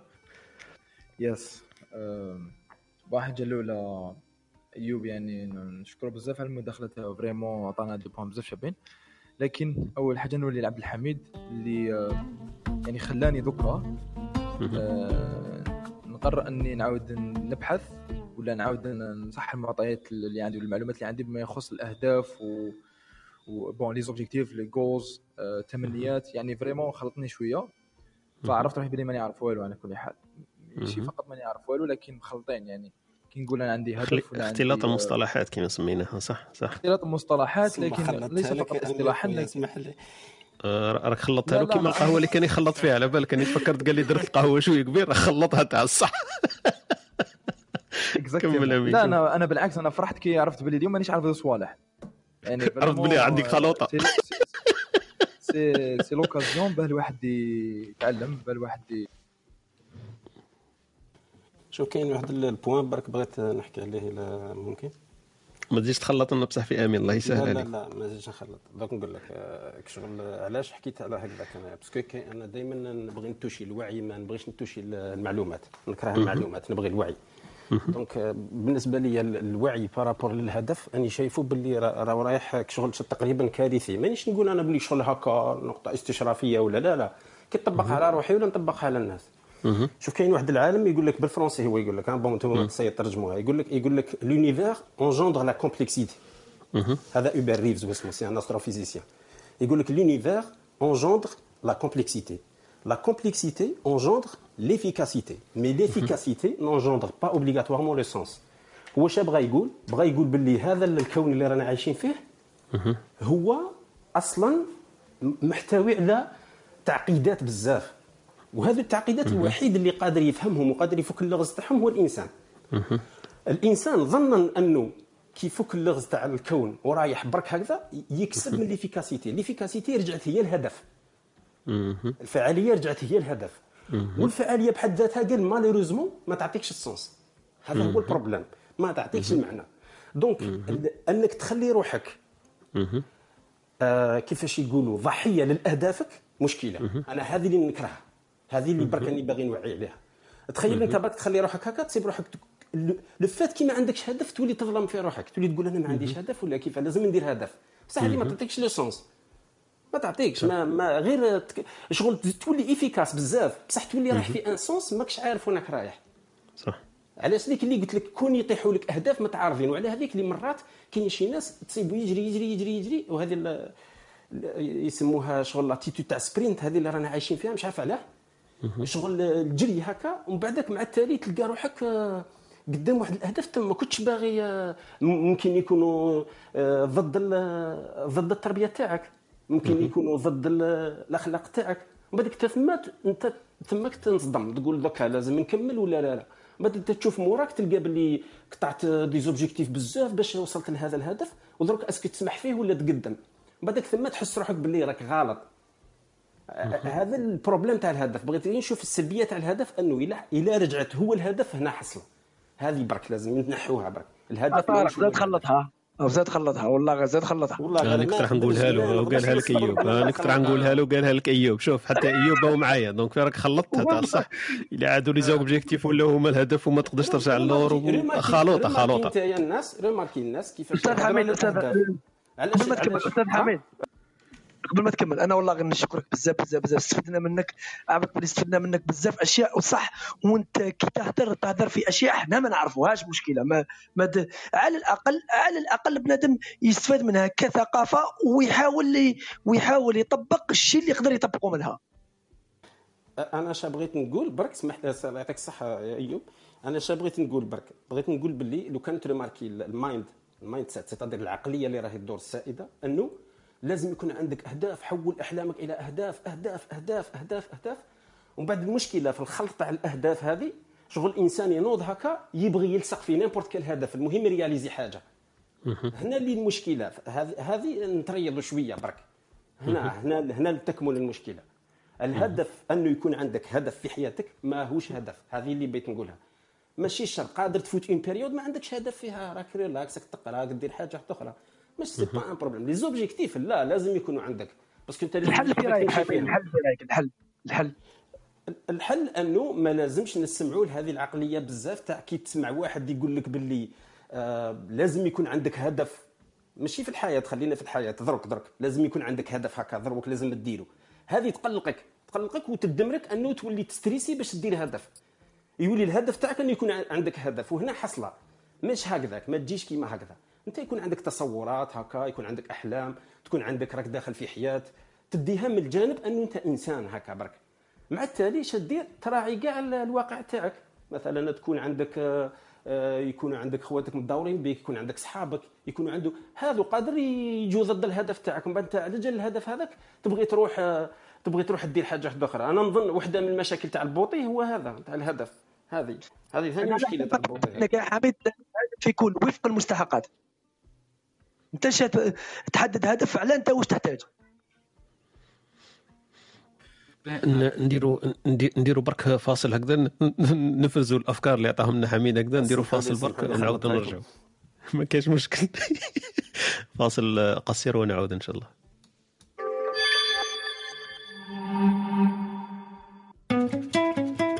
أنتم تستمعون إلى إسبريسو توك مع طارق.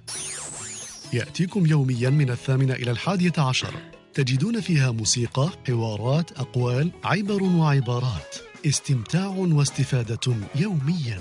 استمتاع واستفادة. استماع واستفادة يوميا.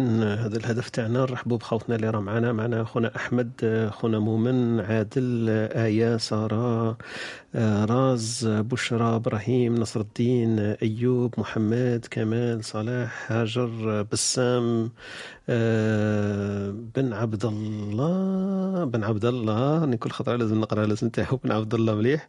آه، أختنا خديجة أختنا أمينة أختنا خونا سفيان خونا عمر أهلا وسهلا بكم. عبد النور أميمة عقبة أهلا وسهلا بكم في هذا الصباح. ندردشوا اليوم على محور الهدف وخونا حميد أعطانا واحد التفاصيل واحد المعلومات. أيوب و... أيوب وأمين قالوا له راك خلطتها أنا أنا نشوف باللي معنا أستاذ محمد. هذه قدام لنا النساء. donc محمد اذا حبيت دير لنا ال raise hand ونطلعوك معنا. كانت عندنا واحد الفكرة استمعت أنا وخالد وحميد البارح الأستاذ محمد وأعطانا واحد الفكرة هكذاك أشو قلنا نكونوا عمليين في الإسبريسو talk. نقدروا نزيدوا لكم كبسولة على الكبسولة الأدبية والعلمية والثقافية اللي رانا نديروا فيها. نديروا كبسولة واحدة أخرى يمكن تكون مواظبة معنا. انه محمد عنده واحد الاطلاع كبير بالعلماء والأدباء والمفكرين الجزائريين. فقلت اقترحت عليه إنه أستاذ محمد يطلع معنا خمس دقائق. إذا كان عنده متسع من الوقت الآن يعرفنا بشخصية ولا بكاتب ولا مفكر جزائري يعطينا شوية ملخص عليه كتاباته فكره وراه رايح وهكذا باش تعم شوية الفائدة تاع الإخوة المستمعين اللي راهم معنا في الإسبريسو تولك. نستنى اذا كان محمد حاضر معنا يقدر يطلع معنا. donc أهلا وسهلا بكم. voilà نخليكم شكون اللي كان الكلمة؟ اختنا ياسمين ولا خالد حب يتدخل في في المحور بعد ما وش قالنا حميد؟ تفضلي أختي ياسمين ومن بعد عندي سؤال برك في ال privé حبيت نقول ونزيد نعطي شوية مقاربة و convergence للفكرة اللي كان يحكي عليها خويا معليش. تفضلي تفضلي ياسمين. أنا عندي فقط تعليق على واش قال الأخ عبد الحميد. كي طرح السؤال إذا تع... إذا تعارضوا ولا تلاقاو زوج أهداف. أنا نتمك أنا تماك أظن ولا لا بروسيدور يعني الطريقة اللي نتعامل بها مع هاد الوضعيات سو جور دو سيتوياسيون هي نعاود نولي الأولويات تاع حياتي ما هي اولويات ما هي أولوياتي في هذين ال... في هذين الهدفين المتعارضين متعارضين. اذا كان واحد مثلا في فترة من حياته اولويته حياته المهنية على حياته الشخصية مثلا راح راح ينجاجي في في شخص مهني. ولكن في فترة من الحياة راح تولي أولويتك حياتك الشخصية. أنك مثلا آه، وليدك مريض آه، وليدك مريض راح يكون l'objectif تاعك أنك تداوي وليدك مهما كان. إلى آخره. donc آه، أنا نقول بلك إذا تعرضوا الهدفين. راح ي... راح القرار راح يعتمد على نقطتين. هي نقطة الأولويات ونقطة فترة من الحياة. في أي فترة من حياتك راك. هذه هي. وشكرا. بارك الله فيك يعطيك الصحة أختنا ياسمين نرحبوا ب- بأختنا آية. donc أهلا وسهلا بك. برك نعاود نذكر أنه عندنا واحد القاعدة في Espresso Talk آه، الناس اللي حاطين الصور تاعهم ولا حاطين الأسماء تاعهم نقدروا نطلعوهم معنا. إذا ما كانش صورة ولا ما كانش اسم ينطق آه، ما نقدرش نطلعوه معنا في في ال speaking آه، donc هذه قاعدة اتخذناها donc أهلا وسهلا بك أختي آية صباح الخير. صباح النور أهلا وسهلا بكم. فرصة سعيدة. أهلا وسهلا. آه، أنا م- آية مصرية عايشة بتركيا أول مرة يعني جديدة في ال Clubhouse وكنت حابة يعني أتعرف على ال group بتاعكم لأنه الكلام مهم ومفيد آه، بخصوص الأهداف وكده. يعني أنا كآية فعلا في موضوع الأهداف أنا بحط أهداف كتير جدا ل- في- لنفسي. بس آه، بس أحيانا لما بتشتت بسرعة قوي يعني أنا ببقى حاطة لنفسي هدف كل حاجة بس لما بلاقي حاجة تانية بتاخدني بروح يعني. أنا مثلا دلوقتي عندي شركة آه، هي شركة استيراد وتصدير في أكسسوارات الموبيليا بقالي سنة عندي الشركة ديت شغاله عليها. بصدر لمصر آه، كونتينرين كل شهر خلاص يعني. آه، شغلي الحمد لله منتظم. دلوقتي كمان بدور على عملاء تانيين في بلاد تانية في نفس المجال. لكن عندي بس مشكلة في إن أنا بتشتت بسرعة عن أهدافي. يعني أنا مثلا السنة دي إن شاء الله هدفي إن أنا هشارك في المعرض بتاع إكسسوارات الموبيليا اللي في إسطنبول. آه، حاطة لنفسي هدف إن أنا السنة الجاية أشارك في إيطاليا في المعرض بتاع إيطاليا. بس المشكلة إن أنا فعلا بتشتت يعني مثلا بروح للأماكن السياحية وحابة إني يعني أنمي الإنستجرام بتاعي وأبقى انفلونسر في موضوع السياحة لأنه برضو حاسة إن هو إن أنا حباه. أو في مثلا أنا عندي هنا معارف وأصحاب وناس كتير أنا عارفاهم في إسطنبول. وأنا أصلا كنت قبل ما أفتح شركتي أنا بقالي سبع سنين هنا اشتغلت في مجالات كتير مختلفة. يعني اشتغلت في الترجمة وفي التدريس واتخرجت من الجامعة هنا وأنا بدرس كنت بشتغل. فدلوقتي مثلا بيجيلي حد يكلمني علشان خاطر أترجم له أو آه يعني أديله كورس تركي أو غيره. مش ببقى عارفة إن أنا أرفض طلب حد فببقى بحط نفسي يعني في أوقات إن أنا مش المفروض إن أنا أعمل كده لأن أنا فعلا وقتي مش سامح فباجي اقصر في شغلي الأساسي أو اقصر في الحاجة الأساسية بتاعتي علشان خاطر أعمل حاجة تانية يعني. أوكي. أختي إيه انت قلتي لما عندك أهداف انت واضعة الأهداف لكن المشكلة تاعك ان تتشتي في الأهداف. يعني كيف قصدك يعني تشتي في الأهداف؟ من أي من أي مجال؟ يعني ما تحافظيش على الأهداف تحقيقها ولا ولا تتركيها أصلا وتأجليها بعدين؟ الأولويات ولا كيف مشكلة التشتيت هذاك؟ لا بسيب نفسي لآخر لحظة. يعني طول ما أنا عندي وقت بعمل حاجات تانية ملهاش علاقة بهدفي. يعني أنا مثلا مم. ممكن علشان خاطر المعرض أكون أنا مخلصة كل حاجة من دلوقتي مثلا. أنا قدامي عشان المعرض شهر. فلا بسيب نفسي لغاية آخر أسبوع في الشهر وبعمل حاجات تانية في خلال الشهر ده. وأنا عارفة مشكلتي بس مش عارفة أحلها. أول ما حد بيجي يكلمني مثلا آه إن هو طالب مني خدمة أو طالب مني حاجة ببقى مش عارفة أرفض. يعني دي برضو بتبقى مشكلة عندي. انت آية انت فاتك واحد الحلقة كنا عاملينها قولة لا. قوة قولة لا أنه كلمة لا قوية بدرجة مهمة. donc آه، إحنا سجلنا هذيك الحصة يمكن تشوفيها في البودكاست تاعنا. عندنا بودكاست اسمه Studio T dot FM لما تروحي الموقع تلاقي واحد ال- الحصة حاملينها آه، اسمها قولة لا وقوة قولة لا. donc آه، هذا هذا هذا محور يمكن تشوفي عليه تشتغلي عليه إنه لازم تعرفي كيف تقولي لا.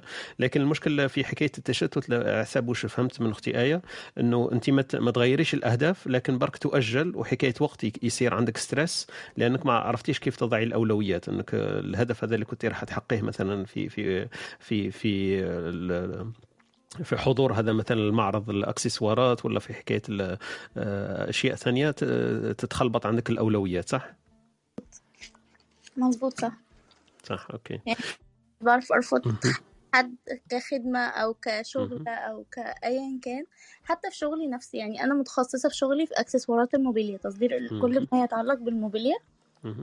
لما بيجي لي حد عاوزني أعمل له عملية تصدير لمثلا كوبايات كرتون من تركيا ب search له في الموضوع. يعني ببدأ إن أنا search وأحاول إن أنا أتواصل مع مصانع علشانه. رغم يب- أنا ببقى عايزة أكون متخصصة أكتر في مجالي وفي نفس الوقت. مش ببقى عايزة أضيع فرصة تانية يعني. OK ابقاي معنا إن شاء الله. إحنا أكيد مش راح نعطوك روشيطه حلول لكن إن شاء الله نفتحوا لك الآفاق كيف يمكن تنظمي الأمور تاعك وت- وتتغلبي على الجوانب السلبية. أكيد كاين إيجابية كثير ولكن فيه يمكن كذلك سلبية. أنت تقولي عندك مشكل تشتت. إن شاء الله في- سماع الحديث ولا في إطار ال ال هذا ال- الروم تاعنا إن شاء الله في هذه الصباحية تاع إسبريسو تولك يفتح لك يمكن آفاق وين وين تقدري تتغلبي يمكن على هذه الصعوبات ولا ال- الأمور هذه اللي مشكلت لك المشكل هذا. ن- نفوتوا شكرا أختي آية على التدخل تاعك واهلا وسهلا بك في اسبريسو تولك الصباحي كل. يوم. أهلا وسهلا بك. اخونا خالد كان كنت حابب تضيف شيء؟ تفضل. آه بارك الله فيك. آه، حبيت برك آه، عندي بعض أفكار استنبطتها من عند الأخ حميد. وش هدرت له أختي ياسمين؟ أنا معاها تماما انه الإنسان يحاول يرتب أولوياته. هذا. المبدأ الأول في بناء أي عمل هو ترتيب الأولويات مش. حتى يجي من بعد. آه، حبيت برك نضيف أنه الحلول اللي كنت تهضر عليها الأخت آية أو الأخ أيوب هو عادة نحن نروح للذات. هي حلول. ذاتية اولا. أما. أنا نعطي بعد آخر. آه، هو بعد البيئة. آه، البيئة عندها دخل كبير في في تحقيق الأهداف. كي هضر قبيل آه، خويا حميد على طفل عمره 16 سنة آه، يسمى تسمى البيئة المتوقعة والمحكمة. مثلا اليوم في الجزائر عندنا بيئة تقدر تقول 100% متوقعة. آه، وبالتالي الإنسان إذا كان يريد تحقيق أهدافه لازم تكون عنده آه، ذاتية معروفة يعني يكون الحل يأتي من الذات اولا ثم ينتقل إلى البيئة. يعني الإنسان إذا كان عنده بيئة غير متوقعة وغير محكمة راح تكون البوسيبيليتي نتاع تحقيق الأهداف أكبر احتمالية تحقيق الأهداف أكبر بكثير آه، من البيئة المتوقعة والمحكمة. اليوم الطفل الجزائري كون تجيبه مثلا أي واحد آه، تقول له واش راح تجي في المستقبل راح يعطيك الاحتمالات احتمالات متوقعة ومحكمة. قال مثلا أنا آه، قادر نقرأ نجي طبيب قادر نروح نجاجي نجي عسكري قادر آه، نتخرج نجي موظف بسيط قادر نجي معلم ولا قادر نجي أستاذ متوسط أو ثانوي أو كذا. يسمى الاحتمالات حبيت نقول محدودة. وبالتالي يولي الطفل آه، ذاتيا بطريقة غير مباشرة يرسم اهدافه عن, عن طريق تلك الاحتمالات الاصلا المتوقعه والمحكمه وهذا مشكل كبير أيضا لازم يطرح. هو مشكله التجديد وتغيير آه، البيئة. ولا تجديدها برك ما نقولوش تغيير باش ما يقولكش راهو يحث على أمور أخرى. لا تجديد البيئة ولا تجديد الممارسات البيئية ولا النوعية تاع العقلية هنا يكرس ما يسمى برفع سقف آه، الأهداف. آه، عندي سؤال برك هنا آه، طرحه أخ آه، من الأودينس. قال لك هناك أشخاص أهدافهم أكبر من أهداف أشخاص آخرين. هذا الأمر في بعض الأحيان يجعلنا نلتقي بأهداف الأشخاص الآخرين. فإما نتنازل أو أو نتجاوزهم. هذا هو المشكل الذي يصادفني حاليا.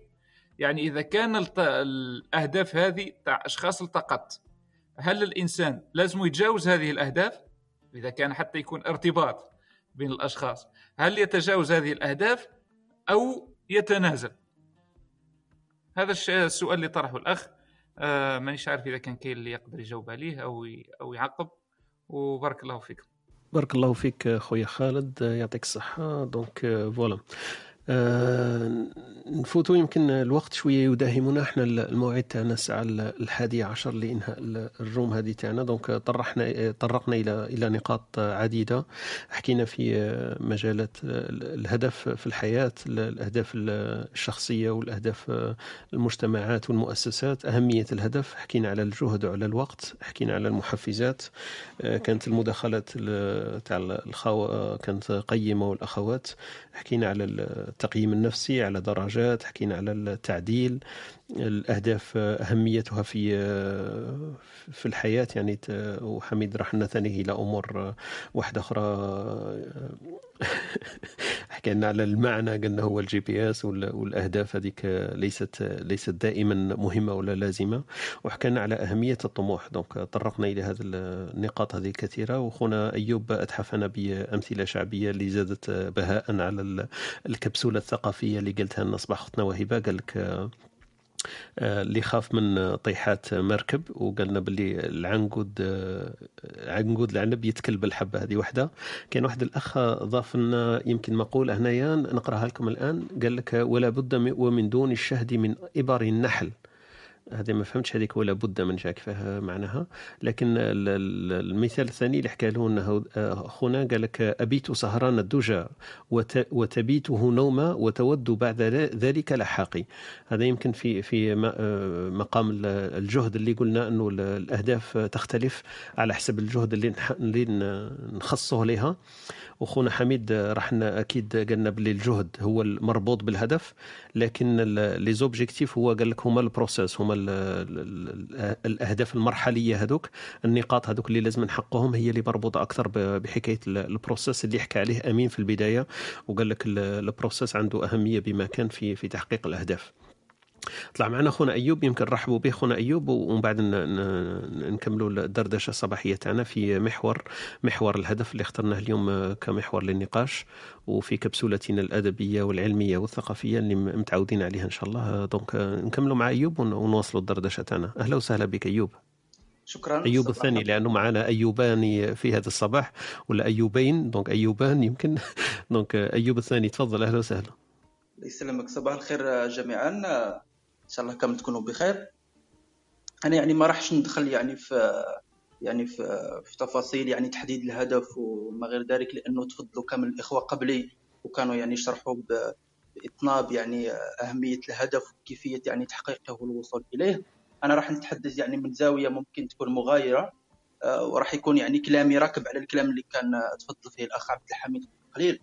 أنه لما نكونوا يعني في رحلتنا يعني إلى تحقيق أهدافنا لابد علينا أنه نتذكروا دائما يعني الأهمية ولا قيمة أنفسنا لأنه دائما في رحلتنا إلى الهدف يعني نتغاضاو على أشياء كثيرة يعني وما, نشوفوش يعني التفاصيل والحياة يعني قيمتها والبنه نتاعها تكمن في هذيك التفاصيل الصغيرة اللي ممكن إحنا ما رناش رادين ليها البال وممكن ما رناش شايفينها. أنا نعطي مثال فقط. حياتنا قبل كورونا يعني كلنا كانت يعني حياة عادية و- وبهم- وبهمومها ويعني وبمشاكلها وبأشيائها المليحة ولكن يعني ما كناش عاطين قيمة لهذاك الشيء. لما يعني جات آه، الكورونا جات الجائحة وسلبت منا هذاك الشيء اللي كنا ما كناش رادين له البال يعني عاد عرفنا القيمة نتاع هذاك الوقت وهذاك الشيء اللي كنا عايشين فيه. فهكذا هي الحياة وهكذا هي رحلتنا في تحديد أهدافنا. وكما كان يقول يعني عبد الحميد إنه ما لازمش يعني دائما نكونوا محددين أهداف يعني سواء طويله المدى أو قصيره المدى أو على المستوى يعني على المدى المتوسط. آه، يعني معليش يعني في وقت من الأوقات ولا يعني في مدة من الزمن انه نكونوا عايشين هكا يعني بدون هدف آه، لا بين يعني لا- ما بين ما يعني نحددوا يعني هدف. ولكن آه، أنا نظن أنه حتى الإنسان اللي ما عندوش هدف هو هو راه عنده هدف ولكن آه، ما راهش حاس بال يعني بهذاك الشعور نتاع أنه راه يبحث عن هدف.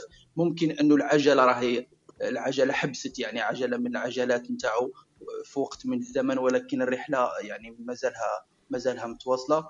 وكما قلت لكم يعني لابد علينا أنه نردوا البال لهذيك التفاصيل. أنا صراحة عن نفسي راني نحاول ما نقولش لكم يعني راني راني عايش يعني هذا الشعور وهذا الشيء اللي راني نحكي فيه ولكن راني نحاول يعني في الوقت هذا اللي راني عايش فيه أني نستمتع بهذوك الأوقات نتاعي اللي راني راني عايش فيهم لأنه آه لأنه لأنه صراحة يعني خاصة يعني في هذه عامين يعني شفت ممكن أشياء أشياء أنا عندي واحد من العائلة نتاعي اللي كان يعني هو كان عنده هدف أنه يصبح غني وصرا له هذاك الشيء يعني ربي كرمه أنه كان عنده دراهم كبار ولكن لما يبداو يحكوا لنا عليه كيف كان عايش في حياة الصغر نتاعو وكيف كانت رحلته إلى تحقيق هذاك الهدف ما كانش ينام لا الليل لا النهار وكان دائما يعني عنده هذاك التعطش وهذاك الشراهة نقدر نقول في الوصول إلى ذاك الهدف وكرم عليه ربي يعني وصار يعني انسان لا باس به ولكن في الأخير الآن راه ميت ربي يرحمه.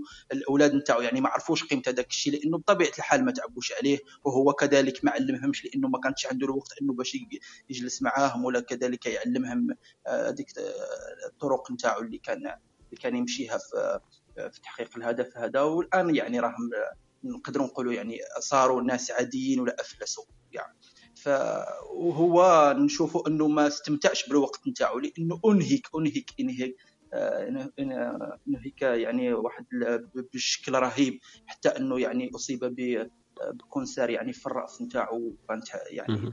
نهايته مؤلمة جدا صراحة فانا صراحة هذا المثال دائما يحضرني لما نكون يعني نتكلم عن الهدف وكيفية تحقيق الهدف فلا بد علينا يعني نراعوا لهذا الشيء ونحاولوا انه نستمتعوا بالوقت نتاعنا لأنه العمر هذا كل ساعة راهي تمشي راهي راهي ما راحش ترجع.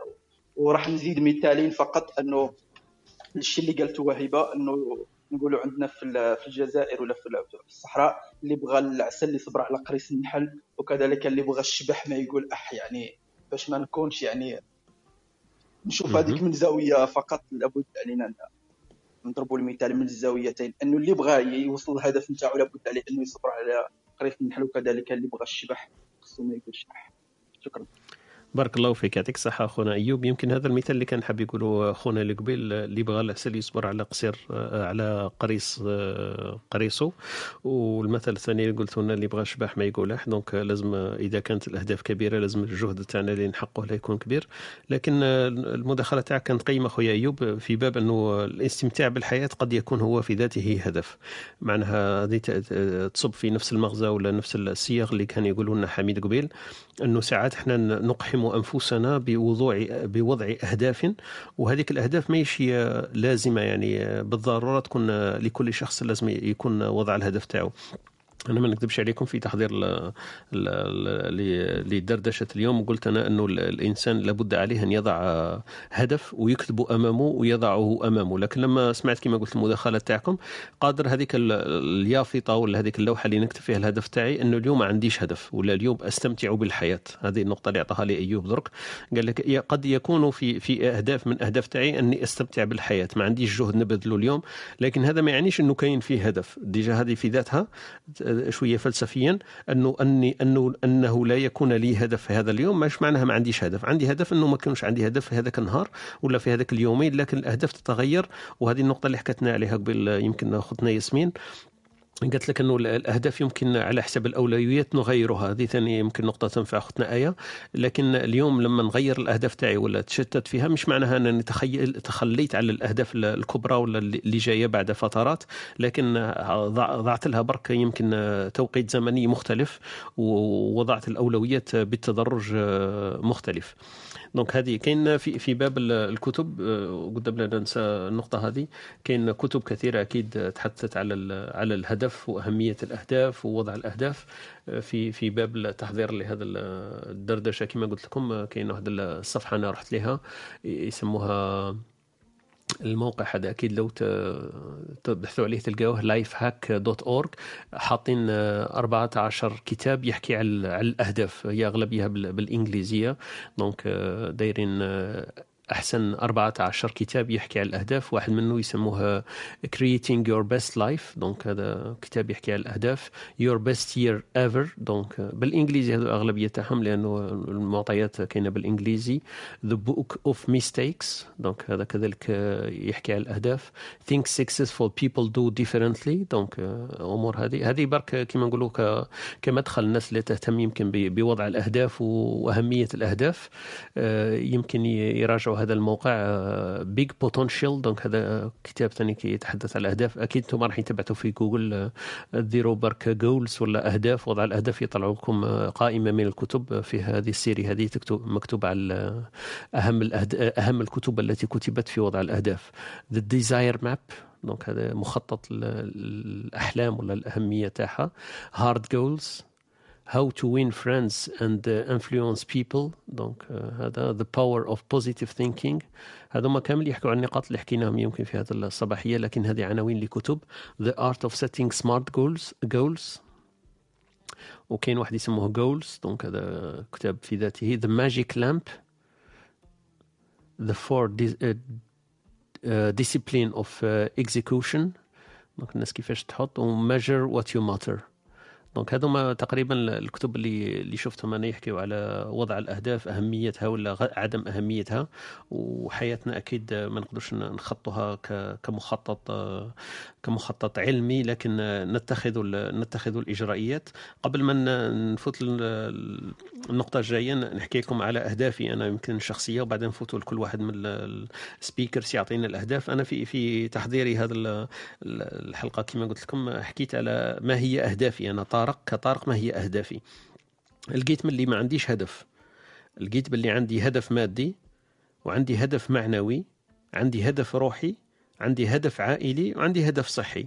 donc أنا باش ندير هدف واحد ما قدرتش لأنه كنا ندير واحد نلغي الأخرين. فقلت علاه لا لا أنا ما يكونش عندي أهداف في في مجالات معينة. donc الهدف المادي تاعي مثلا أنه يكون عندي مال بدرجة أني ما نسألش على الثمن تاع الأشياء التي أشتريها. ندخل مثلا في محل آه، نحب نشري عشر خبزات نشري. نحب ندخل في آه، مطعم ناكل ما نشوفش أنا الأسعار. آه، ندخل آه، تعجبني سيارة ناخذ هذيك السيارة. نجي فايت مثلا في شارع آه، آه، تعجبني هذاك البيت أقتنيه. ما يكونش عندي قيمة لطلب السعر تاع الأشياء هذيك. هذا هدفي المادي إنه إن شاء الله النهار يفتح لي يا ربي إنه المال اللي يكون عندي يكفي من إني نعيش بلا ما نسأل على أسعار ولا أثمان الأمور هذه. أكيد مانيش عارف قدها راح تكون هذه. واحد يقول لي واحد مليون فرنك ولا واحد يقول لي 10 ملايين باه تعيش كما هاك. الله أعلم. لكن أنا هذا هو الهدف المادي تاعي أنا إن شاء الله نسعى انه يكون عندي مبلغ من المال إلى أنه يكون السعر ما عندوش قيمة بالنسبة لي. ندخل يعجبني سروال نشريه. عمري لا نشوف قداه السومة تاعو. donc هذا الهدف المادي تاع طارق. الهدف المعنوي إني يمكن أشترك فيها مع خويا أيوب قبيل آه، إنه نساعد أي شخص أي شخص يطلب مساعدة نقدر نساعده. هذا هدف معنوي وي- ويحقق لي يمكن كيف يسموها ال- الاكتفاء ال- المعنوي تاعي. الهدف الروحي إنه يمكن نكون نايم وأنا راضي على نفسي هذا هدف روحي. إنه نكون أنا آه، كشخص بمبادئي وقيمي وديني ومقوماتي وثقافتي إني لما أنام نكون نايم وأنا راضي على نفسي. هذا هدفي. ال- الهدف الصحي تاعي مثلا إنه نكون بصحة جيدة إلى آخر يوم في حياتي. وإن شاء الله نكون مثلا آه، هدف هذا نسعى ليه إنه الصحة تاعي تكفيني إلى أن أتوفى مثلا وما عنديش علة ما عنديش مرض. ويمكن هذا يختلط شوي الأمر. لكن الهدف تاعي مثلا ولا ال- الأمنية تاعي إلى آخر يوم تاعي نكون بصحة جيدة ويتوفاني الله وأنا نايم ولا وأنا ساجد يكون هذا مبتغى تاعي في مجال الصحة. في الأهداف العائلية donc في العائلة تاعي إن شاء الله يكون الأبناء تاعي يكون ربيتهم بقيم راقية. donc هذا أهدف آه، عائلي تاعي الأبناء تاعي يكونوا آه، القيم راقية ومن حولي يكون يكونوا راضيين على الأداء تاعي. donc آه، في في أمور الحياة العائلية. donc يكونوا أبنائي بقيم عالية ويكون المحيط تاعي راضيين عليا وإنه الأبناء تاعي مثلا نمدهم بكل متطلبات الحياة اللي يحتاجوها. donc هذا هدف عائلي. donc أنا طارق آه، كشخص آه، لما شفت الأهداف تاعي ما قدرتش نقيمها في واحد فريد نكتبه فوضعت مجالات واللي قلت لكم عليها هي المادية والمعنوية والروحية والصحية والعائلية.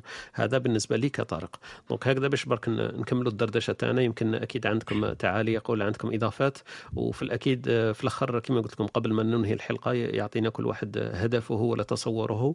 الأهداف اللي واضحة حتى إذا كان آه، معليش بعد ما سمعنا حميد نقدر نقولوا واحد ما عندوش هدف فهو هدف لكن يبقى هدف في الأخير. ما نعرف شكون اللي حب يضيف شيء يمكن أمين ولا حميد تفضل من من أراد الكلمة. تفضل حميد. إن شاء الله. ولا تفضل إلا راك حاب تضيف حاجة. لا لا حميد تفضل okay. داك خاطش اسمحوا لي خاطش داك شوية عندي meeting واحد واحد ربع ساعة إن شاء الله. نبقى نسمعكم. برك آية إذا قدرت نفهم المشكلة تاعها أنه اختلطوا لها ال goals مع ال objectives فال goals هو فيه الرغبة فيه ال desire. فكل ما أنت تقرب من نفسك وتعرف وش هو ال desire تاعك فال objectives تاعك راح تكون سهلة الاختيارات مع التالي حنايا كي نعيشوا يوم. هذا اليوم راح يكون متقسم في actions وهذوك ال actions فيهم decisions صح؟ آه، فكل كل اكشن تقدر تديرها على ال decision هذيك فيها ال macro وال micro. ال macro decision اللي تديرها هي بالنسبة لل للهدف تاعك انطلاقا من الرغبة تاعك. فكل مثلا نحطوا نحطوا مثال أنه إنسان راح يجيب شهادة البكالوريا هذاك العام. وال objective تاعو أنه يجيب شهادة البكالوريا. تخيلوا الأيام تاعو مش راح تتشابه لما يكون آه، في بداية الفصل مع مع نهاية الفصل. كل الاختيارات تاعو راح تكون متمركزة على هذاك الرغبة ولا على هذاك الهدف.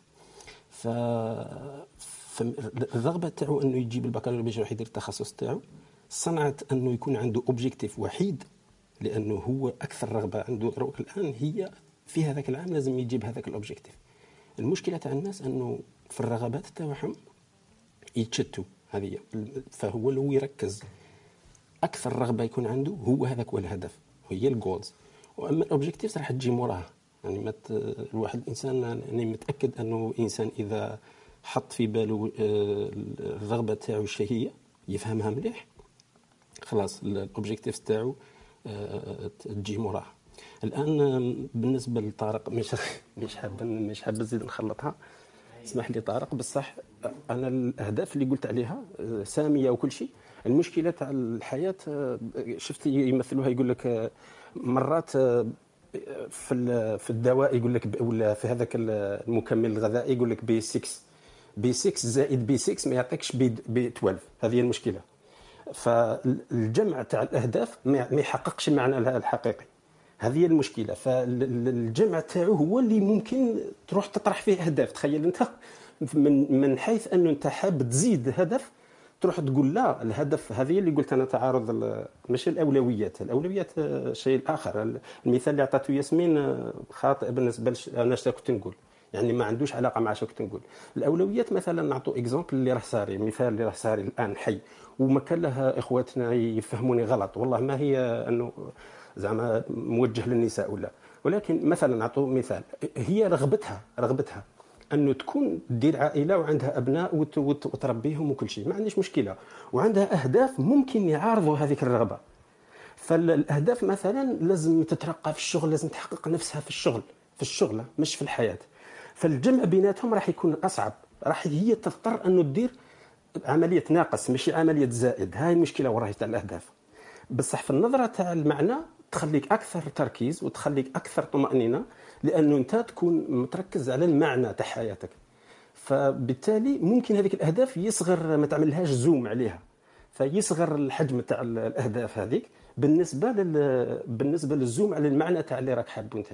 هذه اللي حبيت نقولها. فمرات يكون عندنا أهداف هكذا ورايحين ممكن نضحوا ببعض الأهداف حتى نحقق المعنى العام. والله أعلم. هذه اللي حبيت نقول. إذا تسمح لي طارق. تفضل أمين يا. أز... آه، okay. هي بالنسبة للمقبل ما كملتش يعني الكلام تاعي لأنه جا لي صديقي فما قدرتش نكمل. هي بالنسبة لعبد الحميد شقال يعني وضح أمور اللي أنا كنت آه، على عي على غير دراية بهم أو إذا كنت على دراية فكانت مخلطين عندي. فقلت لك c'est l'occasion بقى الواحد يبحث فيهم وأنا حاجة تهمني أني نكون على دراية بهذه النقاط. بالنسبة لفريق كرة القدم يعني كي يكون في البداية تاعو يكون يحوس بيكو يطلع régional. ومن بعد régional يولي يحوس تكون عنده نقول إحنا أهداف أوكي؟ هدف أنه يطلع آه، régional 2 régional 1 ومن بعد يولي في national 2 national 1 l'essentiel حتى يوصل بالك نقولوا ال Champions League يعني يوصل به يدي آه، أغلى كأس في العالم. يعني كأس آه، أو رابطة. فهذه يعني هي l'objet هي الهدف الرئيسي تاعو كي يكبر. فاي أي أي آه، يعني فريق كرة قدم كي يكون في بداية الموسم عنده هدف هو أنه يجيب Champions League لكن Champions League هذيك باه تجي إحنا نعطي لي مثال كي تجي هذيك Champions League لازم يجيب الرابع لازم ي- آه، عنده plusieurs plusieurs matchs لازم يربحهم. هذوك sont des objectifs يعني أنا نجيب هذا نجيب هذا le match هذا le match ومن بعد نجيب لازم آه، نت classe الأول في الرابطة تاعي باه نت- باه نت qualifie من بعد هذيك la qualification يعني هادو sont des étapes يفوت عليهم بيوصل للجول يعني إحنا نعطيك مثال حي. كي نقول أنا فق... أنا كي كنت صغير شوية كنت نحلم أني نكون تاجر يعني نكون تاجر مليح ومن بعد آه، اكتشفت موهبة التصميم قلت انني بغي نكون أفضل مصمم. أفضل مصمم في يعني في العالم. ومن بعد avancé يت قلت أنا لازم تكون عندي أكبر شركة في التصميم ويعني وما إلى ذ- وما إلى ذلك. ومن بعد شفت باللي هادو اللي هادو اللي راني نحدد فيهم هما كاع يصبوا في جهة واحدة اللي هي انه يكون عندي مال. بالنسبة لذلك أني نعاون الناس نبغي نعاون الناس. لكن هادو كامل يحتاجوا مال أو كلهم يصبوا للمال. فولات دوكا l'objectif تاعي أني نكون غني. نكون غني راح تو- توفقني باه نوصل أني نفتح شركة ولا تكون. ولا أصلا الشركة هي حتوصلني للمال يعني حيكون هو l'objectif تاعي معليش آه، هي هي حتوصل بعد المال اللي حتكون ال- ال pouvoir يعني يكون عندك un pouvoir آه، فهذو هذو كامل راح يصبوا في في جهة واحدة. يعني الجول يكون محدد وفي في آه، مركز. وهذوك les objectifs كما كان يحكي لي مع عبد الحميد آه، كامل يصبوا في آه، هدف واحد. ف à chaque fois يتبدل les objectifs تاعك يتبدلوا ولا يزيدوا لكن الهدف تاعهم واحد. هذا شا بغيت نقول. أنا فقط أنت كي كنت تحدث طارق وت- كنت تقول في الأهداف تاعك ال- الروحية والعائلية أنا أنا رسمت كي قلت أنت الأولى l'euro يعني قلت المال. أنا درت l'enseigne تاع l'euro أوكي؟ دوك هذا هو أنك تكون غني. ومن بعد قلت أني نعاون الناس. نعاون الناس درتها دويرة درت في آه، روحي قلت. آه، نعاون الناس أوكي. درت سهم صدق باللي هذا هذا ال objectif اللي لازم يتحقق ولا كي يتحقق لازم توصل للمال. فدرت سهم نحو الاورو هذاك. ومن بعد العائلة تاعك قلت أنا لازم نربيهم ولازم نوفر لهم كل المحتاجات محتاجات les besoins فعاود درت سهم منها عاود درت l'euro يعني طلعت directement l'euro. تسمى لقيت لقيت المال هو l'umbrella هو الغطاء اللي يقدر يغطي هذو الاحتياجات كامل صح؟ exactement ولا الصحة تاعك إنك تاكل مليح يعني المال. فلقيت باللي نتايا يعني نتايا l'objectif ولا اذا إذا ممكن أنا مازلت أنا عارف أني غلط لكن آه، يعني يعني كاين نقطة رايحين ليها هي المال. وهذه الحاجة اللي شفتها من يعني. حتى من ليكزوم تاعك. فوالله أعلم. يعني الواحد بارك الله فيك، لازم يعطيك يبحث الصحة أنت. ولازم يكون vraiment يكون vraiment ي rechercher واحد من الناس اللي ي rechercher بنعرف vraiment وراني رايح. exactement آه، آه، يعني كيف يقولوا؟ آه، اصطلاحا يعني. يعني. واحد. عارف راه رايح بصح اصطلاحا إيش راه يقول. est-ce que هذا هدف ولا ولا غاية صح. ولا objectif objectif ولا هدف ولا حلم ولا غاية صح. ولا طموح كما قلت صح. parce que ال brain ولا ال subconscient دوك إذا خلط له الأفكار راح يعطيك أفكار مغايرة مش حتنطبق أكيد. يعني الواحد لازم ي organiser روحه وشكرا. ي- يعطيك الصحة. أمين كما قلت أنت déjà ما كيما قلت كل واحد لازم يجلس مع نفسه ويقدر يشوف هذه المصطلحات. وين راني رايح وعلاه راني حي- رايح. كاين واحد ال- ال- الكتاب أنا كنت قريته منذ مدة يسموه the why لماذا؟ donc هذيك la question تاع لماذا لو كان نطرحوها برك نقدروا نعرفوا ب- بسهولة نعرفوا Start الأجوبة with تاعنا why. C'est puissant, Exactement. Simon Sinek. Yeah. exactement donc إلى إلى نقدروا نطرحوا الأسئلة تاع why why. donc نقدروا نجاوبوا على كثير من الأسئلة. حتى السؤال اللي طرحته قبيل ختنا آية يمكن تقدر تجاوب عليه. تقول أنا علاه راني ندير هاك. حابة نعاون الناس وعندي معرض وعندي كذا. لا راني نشتت في الأمور تاعي. لكن آه، كما قلت أمين آه، المال هذا كان حطيته déjà. أنت راك ماكش غلط آه، كثير. لأنه أنا هذاك الهدف المادي. أنا déjà في في في القائمة تاعي بديت به هو الأول. لأنه لأهميته أكيد ما تقدرش تعاون الناس. وما تكونش في صحه جيدة. وما تقدرش ترغب les besoins تاع العائله تاعك إذا ما كانش عندك المال فأنت محق عندك الحق. لكن كاين واحد الأخطاء الناس يقعوا فيها لما يكون عندهم المال. كاين واحد ال proverbe أنا سمعته آه، مثلا واحد آه، start آه، مانيش عارف أنا multi billionaire donc عنده بزاف شركات وعنده كذا وعنده واحد المشكل في الصحة تاعو. donc هو شوية كما نقولوا آه، الوزن تاعو شوية زايد. فسمع واحد الجملة الجملة هذيك أثرت فيه. واحد قال له you don't have right to be fat if you are rich. donc واحد واش قال له؟ قال له باللي انت ما عندكش الحق أن تكون في آه، في وزن زائد إذا كنت عندك المال. فهذه تبين لك باللي قادر الواحد يكون عنده المال لكن ما يكونش عنده objectif إنه يكون صحي ما يكونش في الصحة تاعو ما يعتنيش بها. فهذاك السيد غير الحياة تاعو 180 درجة لأنه عرف روحه باللي صح ما عندوش excuse ما يقدرش يقول لك أني نبحث على عمل وما عنديش وقت باش ندير رياضة ولا ما عنديش الوقت باش نمشي لأنه عنده المال. سما يقدر يقدر يدير رياضة يقدر يدير swimming pool في داره يقدر يروح يمارس ال- الرياضة. واحد ما يقول له روح تخدم على التسعة ولا على السبعة. donc هذاك هذاك الجملة أثرت في حياته. ليش؟ لأنه كان عنده هدف إنه ما يعتنيش الصحة تاعو ما كانش من ضمن الأهداف تاعو donc هذه نكمل بها إن شاء الله. نرحبوا بخونا بن حرز الله خونا سفيان التحقوا بنا وختنا أميمة. آه، تفضلي أختي أختي يعني- أميمة يمكن قبل ما نفوت بن حرز الله وسفيان وايه تفضلي. آه أمين حاب تزيد شيء سوري لا لا فقط نستأذن يعني عندي عمل فيعطيكم الصحة بارك الله فيك. اتحفتنا آه، بال- بعد بالمداخلة. تاعك يعطيك الصحه أهلا. وسهلا بك. أمين في كل وقت. خطنا أميمة وبعدين نشوفوا مع خونا بن حرز الله سفيان. تفضلي أميمة. صباح الخير. إن شاء الله تكونوا كامل لاباس أهلا آه، وسهلا. شكرا. لا عندي زوج نقاط بسيطة حابة نشاركها. الأولى ألو كنت؟ نسمعوك يا نسمعوك آه، الأولى آه، فيما يخص بقول آه، لا. to say no is to have a bigger yes. ما ما نقدرش نقول لا لا إذا ما كانش عندي هدف يكون أكبر من هذاك القول تاع لا. تسمى الهدف ال- ولا ال- الطلب المرحلي هذا كي يقول كي نقول عليه لا لازم يكون عندي أنا objectif أكبر منه. هذه النقطة الأولى. النقطة الثانية حابة نشارك معكم كتاب اللي يصحصح يشارك ولا يوضح النقطة تاع الهدف والمعنى من الحياة اللي هو آه، إيكيجاي نسيت ال titre تاعو complètement ال titre الأس- الأساسي تاعو هو إيكيجاي كتاب ياباني. آه، يوضح الفلسفة تاع ال- اليابانيين في كيفية اختيار الحياة وكيفية العيش تاع ال lifestyle تاعهم يوم بيوم. كي يكون عندك آه، نظام متكامل تاع الأهداف راح يكون عندك آه، نظام حياة معين اللي راح يصب في المعنى تاع الحياة تاعك ثم أي واحد اللي يكون عنده شوية confusion في ماذا يريد يمكن يقرأ هذا الكتاب ويساعده. OK. وشكرا OK. إيكيغاي هو اسم الكاتب ولا اسم الكتاب؟ اسم الكتاب. Can you spell it I K I. G A I. I K I إيكيغاي. OK. بارك الله فيك. يعطيك الصحة أختي أميمة وشكرا على المداخلة. Secrets to a Long and Happy Life. آه، الكتاب تاعو هو آه، كتاب مؤلفين اللي كتبوه هما فرانسيس ميرال and هيكتور غارسيا. OK. أنت ومهم كده.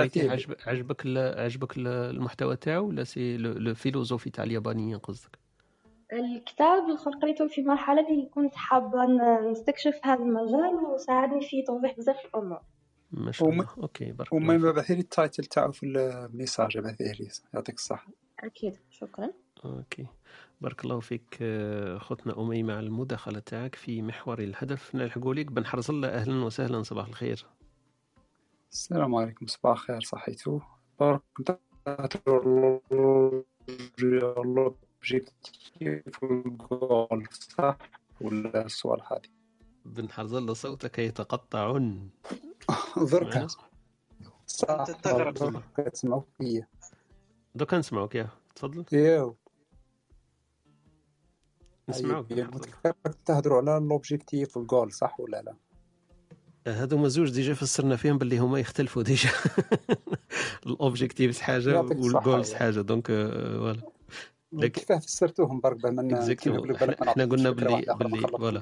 ال goals على على المداخلات اللي هدرنا فيها مصباح قلنا باللي في ال goals هذه كاين يسموها الهدف ال- ال but وهذاك الهدف نقدروا نسموه but. كيفاه نعرفوه؟ نعرفوه ب ال energy اللي نحطوها عليه. إذا كان عنده ال energy فهذاك هو ال- الجول هذاك هو ال but. اما les objectifs هو ال process اللي كان يحكي عليه قبيل أمين وحميد وكاع قال لك les objectifs هذوك هما ال process هما كيفاه نقدر نلحق لهذاك ال goal donc الخطوات هما هذوك نقدروا نسموهم objectives voilà donc ولحقنا لحقنا مصطلحات واحدة أخرى هي هي الخلوطة. إحنا اكتشفنا باللي كاينة خلوطة آه، بالمداخلة تاع خونا حميد باللي كاين بزاف مصطلحات وكل واحد يعني بها شيء. يعني كاين فرق بين الحلم وبين التمني وبين الطموح وبين الهدف وبين الوعي وبين ال ال ال ال كل واحد المبتغى تاعو. فكاين كاين خلط شوية في في المفاهيم هذا اللي اللي استنتجناه إحنا لكن تفضل أنت معليش احكي لنا على لما تسمع كلمة هدف وش يبان لك؟ واعطينا الأهداف. إذا كان عندك أهداف فتفضل انت احكيها لنا bon. فهمتك. أنا كيما نقول لك أنا نجيك ب academic كيما نقول لك American approach للموضوع هذايا ال- الجول هو ال ultimate كيما نقول لك objective راح نعطيك عليه مثال. par exemple أنا حاب إن كيما يقول لك نولي par exemple مواطن سويسري هذا كيما يقول لك مش عارف سميها حلم سميها ويش سميها والله ماني عارف. هذا كيما يقول لك ال ultimate goal من بعد عندك كيما يقول لك يجوا تحته ال objectives ال objectives هما كيما يقول لك certain steps you have to do them كيما يقول لك ال objectives have to meet them مهم. before you reach كيما يقول لك ultimate goal. كاين أهداف فرعية كيما يقول توصل لها قبل ما توصل لل- للهدف الرئيسي نتاعك. الأهداف الفرعية هذه مثال تلم الدراهم باش تعيش في سويسرا تدبر الفيزا تروح ثم تدبر خدمة راك فاهم كيفاه تقدم على ال application هذيك على ال- ال- المواطنة السويسرية. هذونا كاع نسموهم كيما يقول لك les objectifs باه نوصل ال ultimate goal باه نولي مواطن سويسري راك فاهم كيفاه ماهوش كيما يقول لك من الصباح حلمت درك راني عايش مش عارف في الاغواط ولا في بوسعادة يلا. راني وليت مواطن سويسري لا لا. لازم كيما يقول لك واحد ال certain كيما يقول لك steps you have to complete them فهمتني؟ كان détail واحد آخر اللي هو اللي يسموه ال options of work how to reach them راك فاهمني ولا والو؟ كيفاه أنت حتى توصل كيما يقول les objectifs تاعك هذونا كيفاه توصل لهم؟ ولا توصل للجول تاعك. هنا les options de travail هنا تبدا في ال technical كيما لا- الآخر work par exemple نوض الصباح باش ندير ال application هذيك تاع الفيزا نوض نمبريمي الورق نوض نعمرها في الميكرو راك فاهم كيفاه. نروح مانيش عارف الألجي نقدم عليها. هذه كلها كيما يقول لك option of work فهمتني؟ وهذه tout dépend كل واحد كيفاه يوصل لل- لل- لل- للديتاي للخدمة هذه. راك فهمتني يا طارق ولا والو؟ أنا معك أنا معك راك تسمعوا فيا بارك الله إيه، فيك. هذه ثاني تختلف على les objectifs تختلف على ال- ال ultimate goal هذه كاع حاجة أخرى هذه ال options of work وهذه حتى عندك عدة خيارات فيه راك فاهمني ال options of work كل واحد كيفاه يخدم خدمته. وعلى حساب tout dépend على les moyens تاعو على صوالحو على هذيك. فهمتني؟ نرجع للنقطة الفلسفية اللي هي الأولى ال objective ولا ال goals هذونا نبه نديرهم لازم يكونوا smart كيما نقولوا. smart شو معناه؟ أول حاجة لازم تكون هما هي الأخرى abbreviation المجموعة من ال- الكلمات. نبداو بال S اللي هي simple simple أول حاجة ال- الهدف هذا كي نديرو انايا لازم يكون بالنسبة لي انايا simple راك فاهم؟ عندي ال- ال moyens تاعو عندي التأويل تاعو باه نوصل هذه أول حاجة. ما يكونش حاجة معقدة عليا اللي impossible نقدر نوصلها انايا سواء أنا ولا ال team اللي راه معايا. على الأقل على فان كونت نقدر نوصل. عندي السكيلز وعندي الكومبيتنسيز باش نقدر نوصلوا والسامبل بالنسبة لي أنا فهمتني حتى إذا كان كيما نقول لك صعيب ولا حاجة نقدر نسهلوا المهم في النهاية يكون بالنسبة لي انايا دو سهل. نقدر نوصل له. الحاجة الزوجة في ال- الأخرى في ال smart objective par exemple إلا رحت لسويسرا على عمر 70 عام ولا 75 عام واش ندير بها فاهمني ولا والو؟ لازم تكون كيما يقول لك measurable ال process هذا مش يدي 20 عام ولا 30 عام وأنا نجري من وراه لا لا. لازم يكون عندي كيما يقول لك آه، الآخر آه، اوف نقدر. نقيسه. بارك الله فيك. مش على الوقت برك على عدة عوامل حتى على les moyens اللي يستهلكهم مني ال energy نتاعي الطاقة نتاعي هذيك لازم تكون measurable كما قلت نقدر نقيسها. par exemple نكملها في 10 أيام ولا نكملها مانيش عارف ولا تكونسومي عليا الدراهم هذه ولا راك فاهم كيفاه. تكون measurable ماهيش مفتوحة عندي كما نقول لك حساب مفتوح لوقتي ال energy نتاعي بصوالحي لهذيك وأنا نخلي كل شيء ذي فهمتني؟ من بعد تكون achievable ما نحلمش بحاجة مستحيلة تصير في الواقع. راك فاهمني؟ par exemple درك أنا واحد يجيني يقول لي نقدم على جنسية مثال تاع الأخرى تاع ماليزيا ولا تاع الأخرى ولا تاع قطر ولا تاع الإمارات نقول له اسمح لي راه خالط في الطريق هذه. it's not achievable at all لأنه عندهم process يقول لك ممنوع بهذه الجنسية نتاعنا راك فاهمني؟ هذه ال achievability كما نقول ومن بعد تجي الأخرى ال- ال- ال- الأخرى ال reachable كما نقول. reachable ولا realistic لازم يكون ال- ال- ال- الواقعية ما, لازمش ثاني تهبل في les demandes نتاعو. مش لازم par exemple نروح la Suisse نولي rich نولي هذيك تولي ته- تهلب ته- تهبل كما يقولوا في الأحلام تاعك ما تزيدش عليها بزاف. فهمتني؟ لازم تكون realistic خويا أنا معليش راه عندي les moyens راني ingénieur ولا راني قريت وحاب نروح لسويسرا نقدم على ال nationalité نجيب ال nationalité هذه بزاف علي كما يقول لك الواحد يكون قانع يكون عاقل. راك فاهمني ومن بعد ال timely manner هذيك ثاني كلش لازم يكون soit في les options de travail soit في les objectifs soit في ال ultimate objective هذونا كاع لازم يكون عندهم time frame نحدد لهم وقتهم كل واحدة واش عندي ليه واحد زوج ثلاث.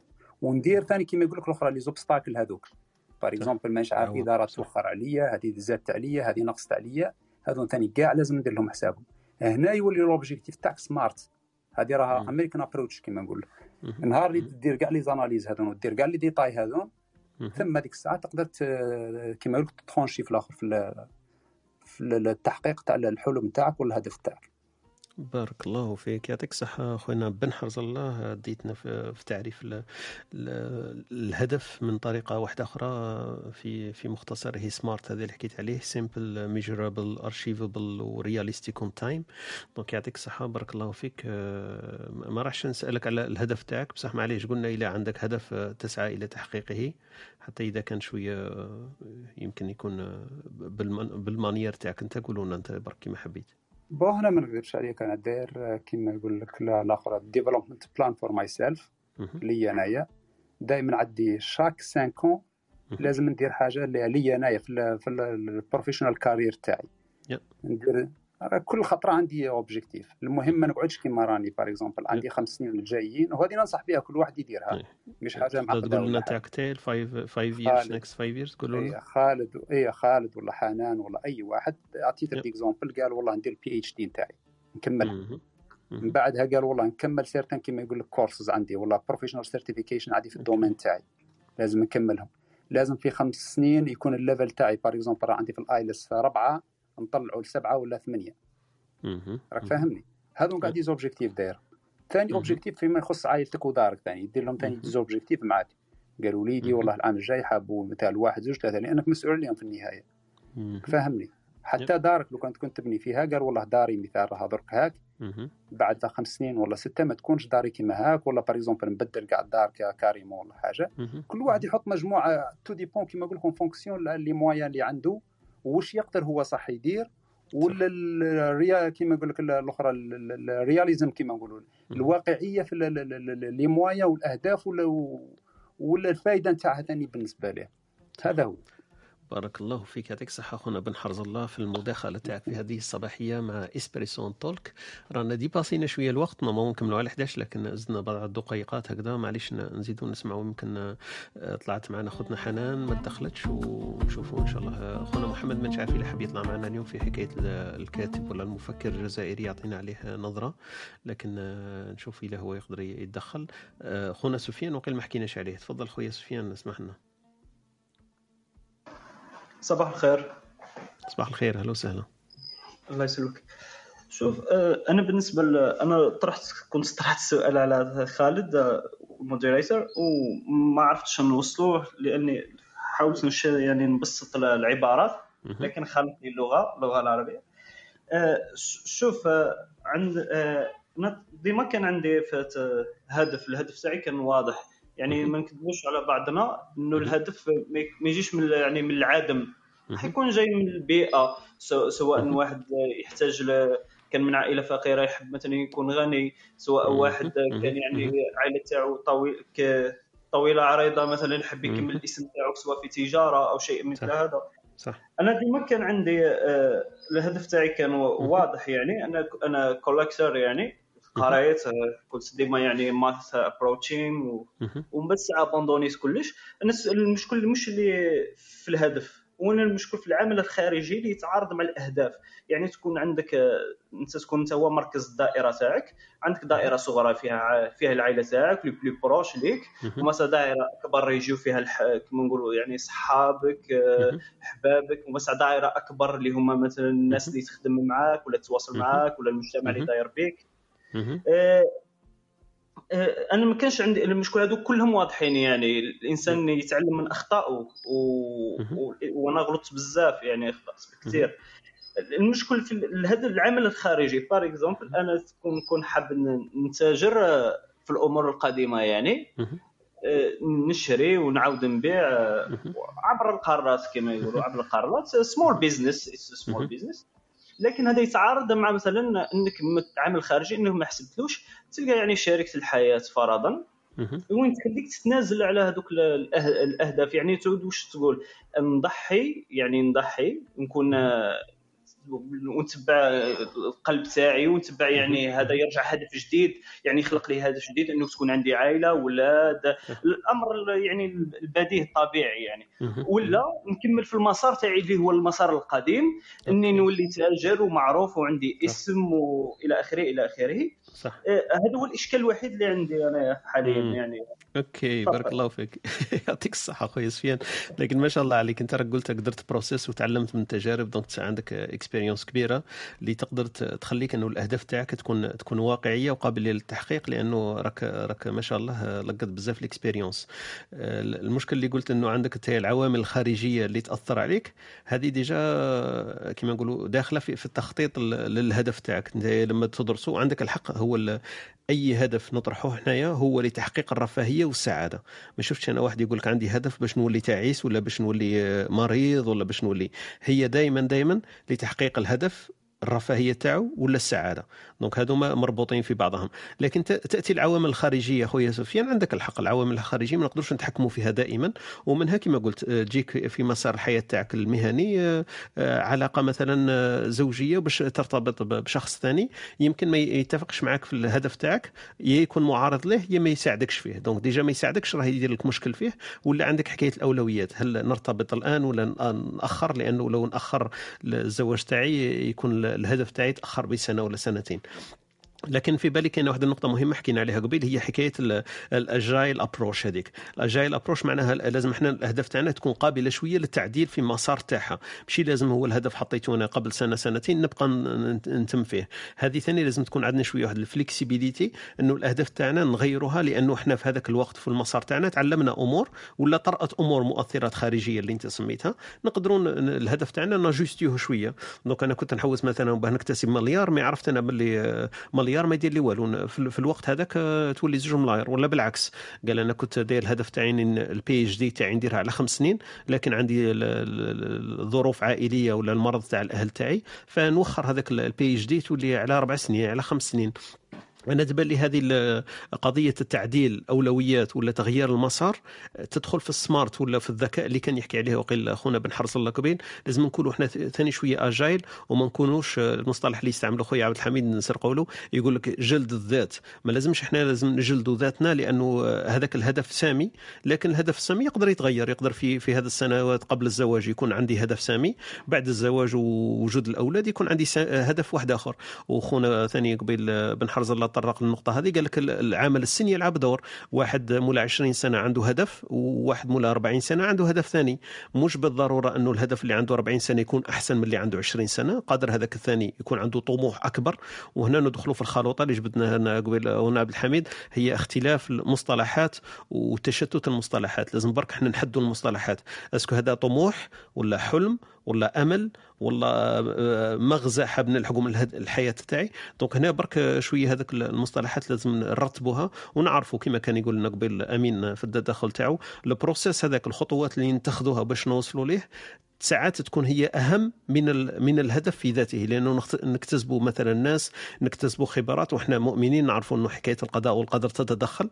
فكاين أمور إحنا ما نقدرش نخطوا لها كما نقولوا 100% لكن عندنا الهدف الأسمى الكبير كاع ورانا رايحين رايحين ليه.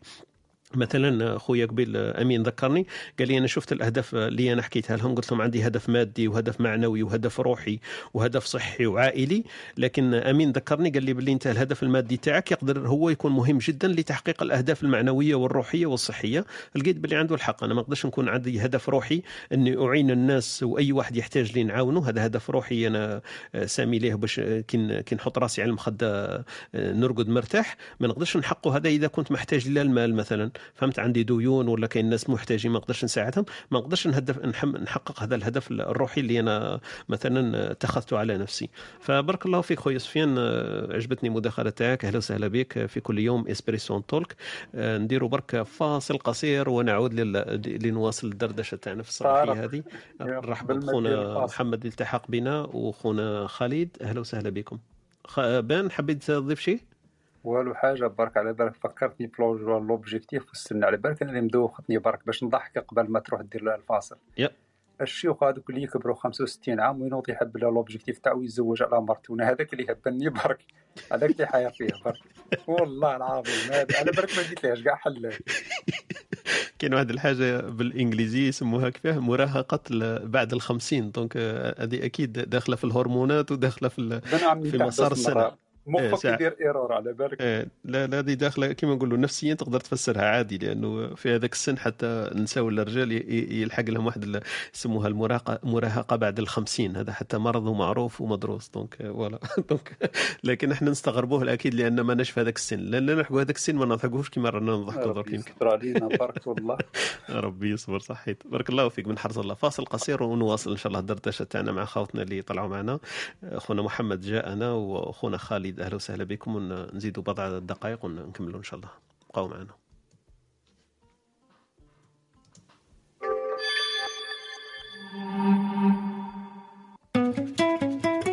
أنتم تستمعون إلى إسبريسو توك مع طارق. يأتيكم يوميا من الثامنة إلى الحادية عشر. تجدون فيها موسيقى، حوارات، أقوال، عبر وعبارات. استمتاع واستفادة يوميا. استمتاع واستفادة يوميا استماع واستفادة يوميا. هذا هو الهدف تاعنا والمبتغى تاعنا من اسبريسون تولك الصباحي. نحكيو فيه في مواضيع مختلفة ومتشتتة. اليوم كان عنا موضوع الهدف. نحكيو على هدف وغايته وفوائده إيجابيته. متى يكون ضروري ومتى لا حاجة لنا به. دونك رحبوا بخوتنا اللي اللي معنا. خونا زرواطي خوتنا نسيمة خونا عادل لاميا آه، خونا حمزة خونا أحمد سارة إبراهيم آه، ريان آه، خوتنا وردة خوتنا أمال سعدو أمينة نصيرة ولا نصر الدين صلاح ومعنا نسرين أهلا وسهلا بكم. إحسان إيمان عقبة آه، خديجة أمينة يونس آه، ومعنا خونا عبد النور. أهلا وسهلا بكم في هذه الصباحية. آه، طلعوا معنا خونا مصطفى وخونا محمد وخونا خالد. نكملوا إن شاء الله بمداخلة تاعهم ونختموا إن شاء الله اللقاء الصباحي تاعنا. نبداو بخونا محمد. أهلا وسهلا بك. شكرا على الحضور تاعك. السلام عليكم. أهلا وعليكم وسهلا السلام. يشرفني الحضور معكم. يعني ما كنتش الشرف متوقع أنه شرف هناك اذاعه بك.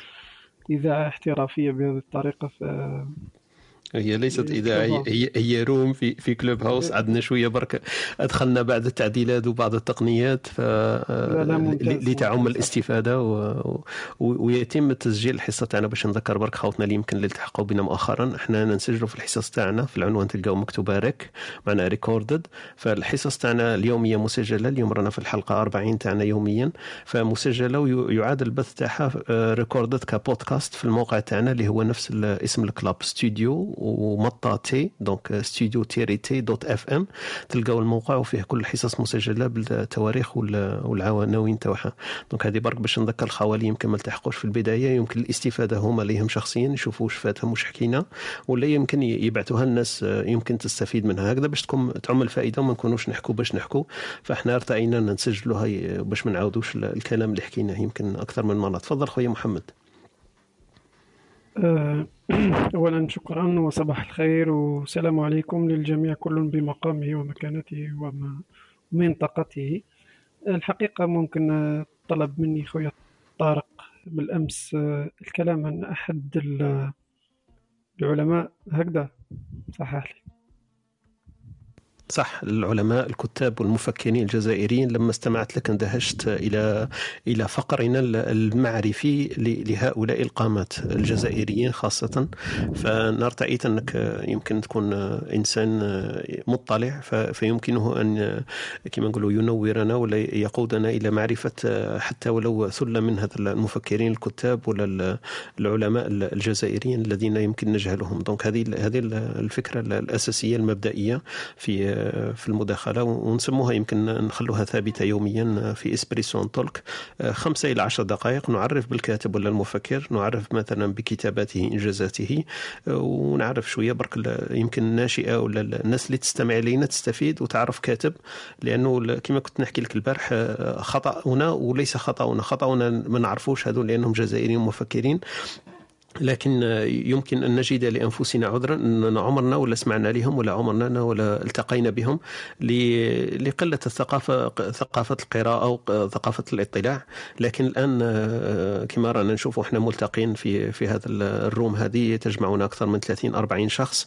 فيمكن يكون الصوت آه، يغطي على على نقصنا المعرفي ولا الثقافي في في في في كما نسموها في الغطاء المعرفي ولا الثقافي الجزائري للكتاب والمفكرين الجزائريين. هذا الهدف الأسمى تاعنا اللي فكرت فيه. تفضل خويا محمد. آه، شكرا جزيلا. أولا آه، الموضوع مهم لأنه آه، معرفة كل كل أمة وكل شعب بعلمائه هو الوسيلة ال- الأولى لأن تتخذ منهم قدوات ونجوم تضيء بها دروب الناس. لأن العامة عادة لا تفهم ماهية الأفكار وتجسيدها بقدر ما تراها متجسدة أو متحركة في الأشخاص. نرى قول السيدة عائشة رضي الله عنها رغم أنه كلام الله ووجه لنا كبشر لأنه كان لازم يتجسد في شخص النبي صلى الله عليه وسلم ليضيء لنا ذلك الدرب. وكما يقول الملك بن نبي العلماء هم أنبياء زمانهم. يعني بمجرد انتهت الرسالة النبوية بمحمد صلى الله عليه وسلم فكل عالم في مجاله هو نبي في ذلك المجال. أبو القاسم سعد الله آه، هو أحد العلماء الجزائر وأنا صراحة أحتار كيفاش كاين جزائري ما يعرفش على هذا الشخص. رغم عظمته هذا الرجل آه، أخذ اسم شيخ المؤرخين آه، من من ولاية واتسوف. ولد في سنة 1930 في جانفي 1930 وتوفي سنة في ديسمبر سنة 2013 بسن 83 سنة كان حافظا لكتاب الله تربى في ولاية ودسوف آه، تربية في أسرة جد محافظة كان يعمل آه، في في. في الواحات وكان يتعلم مع إخوانه كيفاش باسكو كي كي كي, كي كي حين تربى النخلة آه، أحيانا مع العواصف ومع آه، الزوابع الرملية تتغطى النخلة فيحاول ينحي عملية الطمر طمر النخلة مش مش تم مش بالتاء بالطاء. آه، طمر النخلة فيحاول ينحيها ومن هنا بدأت تتشكل شخصية هذا الرجل العظيم. آه، الحقيقة آه، الشاهد في حياته أنه آه، تربى في جمعية العلماء المسلمين. آه، هذه أول نقطة. ثاني نقطة درس في الزيتونة ودرس أيضا في جامعة الأزهر وأكمل دكتوراه نتاعو في جامعة ميني مينيسوتا في الولايات المتحدة الأمريكية. كان هذا الرجل تحصل على شهادة الدكتوراه حول تاريخ الجزائر الثقافي آه، الحدي- الحديث يعني بعد آه، آه، بعد 1500 كتب من 1500 إلى غاية العصر الحالي. وكتبها كتب الكتاب باللغة الإنجليزية. تحصل على الدكتوراه تاعو في 1965 يعني في ذلك الوقت شكون كان يكون عنده شهادة ليسانس فقط؟ كان هذا الرجل دكتور. آه، عرضت عليه الإقامة في الولايات المتحدة الأمريكية ورفض وقعد في الجزائر لأنه حسب في كتاباته يقول يقول إذا رحت أنا شكون راح يقوم بهذا؟ من يبحث في تاريخ هذه الأمة؟ كان يتقن خمس لغات إتقانا عجيبا اللغة العربية والفرنسية والإنجليزية طبعا واللغة الفارسية والألمانية. آه، الذين عرفوا هذا هذا الرجل العظيم وهذا العالم آه، يقولون أن الشخص كان كان كثير المطالعة يطالع بدون توجيه ولا خطة كان تقريبا لا يلهو. كانت حياته مركزة على جانب التاريخي بالدرجة الأولى يطالع في كل المجالات خاصة في المجال الثقافي. والناس اللي مولفين يقرأوا في التاريخ يعرفون أن هذا المجال بالذات مجال صعب لأنه لما تحب تأرخ في الجانب السياسي لشعب معين أو أمة أو الجانب العسكري فكل ما عليك فعله هو جمع تلك المعارك أو جمع الأشخاص الذين عاشوا في ذلك الزمان. ودير عملية تفصيل ذلك التاريخ وأهم القرارات التي اتخذت في ذلك الزمان. ولكن أن تجمع تاريخا ثقافيا لأمة هذا يعني أنك تعود تقرأ جميع القصص الشعبية. تطالع الفن تطالع في الأفكار التي كانت سائدة في ذلك الوقت. تطالع عن الكتاب والعلماء وكل كتاب وكل محاولات كتابة كانت في زمانهم. تطالع عن الطلاب تطالع عن عادات وتقاليد تطالع حتى وصل هذا الرجل حتى طالع آه، آه، أرشيف أرشيف المحاكم التي كانت في عهد الدولة العثمانية في في في فرنسا وأيضا في تركيا في الجزائر يعني الأرشيف هذا موجود في تركيا أو موجود في الجزائر. تم طالعه يعني باش نشوفوا قداش الإنسان هذا بذل من جهد عظيم. من أجل أنه ي- ينتج ذلك المنتوج العلمي. له عدة كتب. اولا تاريخ الجزائر الثقافي من 1500 إلى يومنا. كتب الكتاب في عشر مجلدات. آه، أنا شخصيا آه، لأني معجب بهذا الشخص وبهذا العالم رحت اشتريتهم. يجي واحد 900 ألف جزائرية. وأنصح كل جزائري أن تكون عنده هذا الكنز في بيته. يعود يرجع يقرأ آه، هذا الكتاب.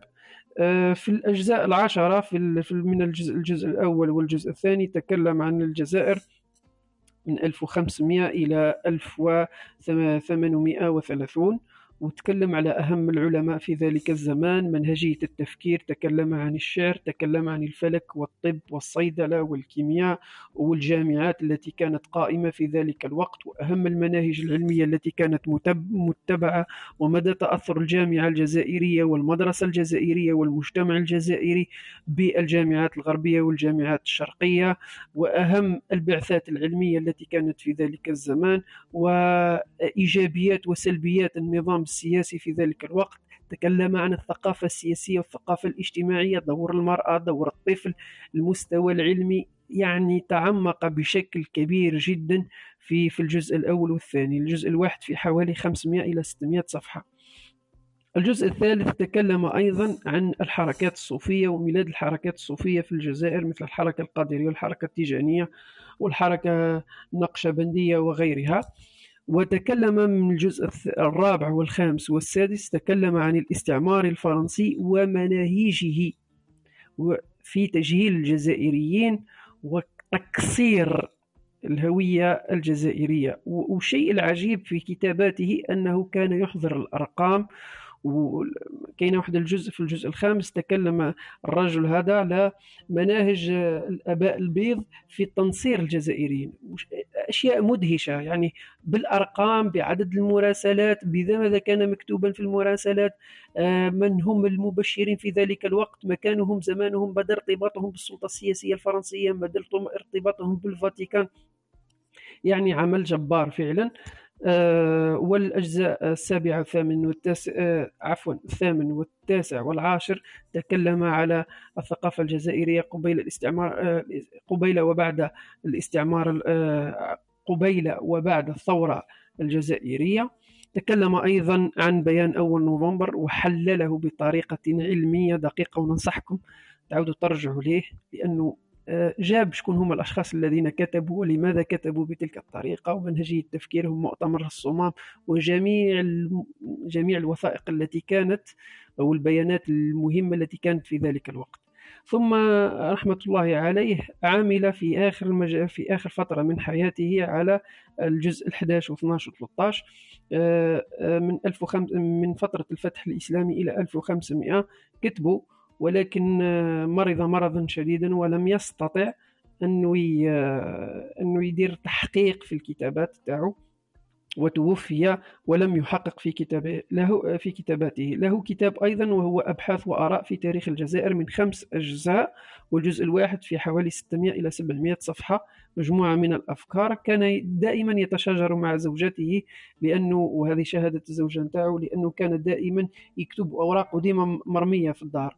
كان يكتب أحيانا كان يعني رغم أنه عالم لكن بيته F 3 يعني ما كانش عنده بيت كبير. كان يكتب في في المطبخ خلال هي هي تطبخ وهو يكتب في في مذكراته أو أفكاره. وهذا رسالة تبين أنه لما نتكلموا على العلماء والمفكرين والمؤرخين الذين يتركون بصماتهم باش نتكلموا على حاجة خارقة للعادة. normal قدر تلقاه ساكن في F 3 قدر تلقاه ساكن في F 2 في الج... خاصة في الجزائر يعني. لاننا نحترم علماءنا له كتاب أيضا كتاب أيضا اسمه الحركة الوطنية تاريخ الحطله الحركة الوطنية الجزائرية من أربعة أجزاء. كل جزء ب 450 صفحة.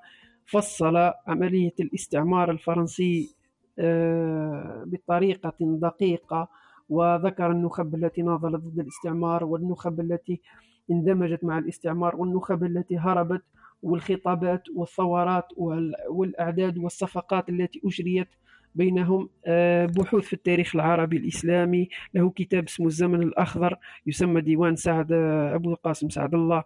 له أيضا تجارب في الأدب والرحلة هو يتكلم على الأدب والرحلة في عالم الفكر. كتاب أيضا اسمه منطلقات فكرية كتبه حين كان في تونس. آه، أيضا ترجم عدة عدة كتب. أنا قرأت له أحد هذه الكتب اللي هو حياة الأمير عبد القادر للكولونيل آه، هنري تشرشل.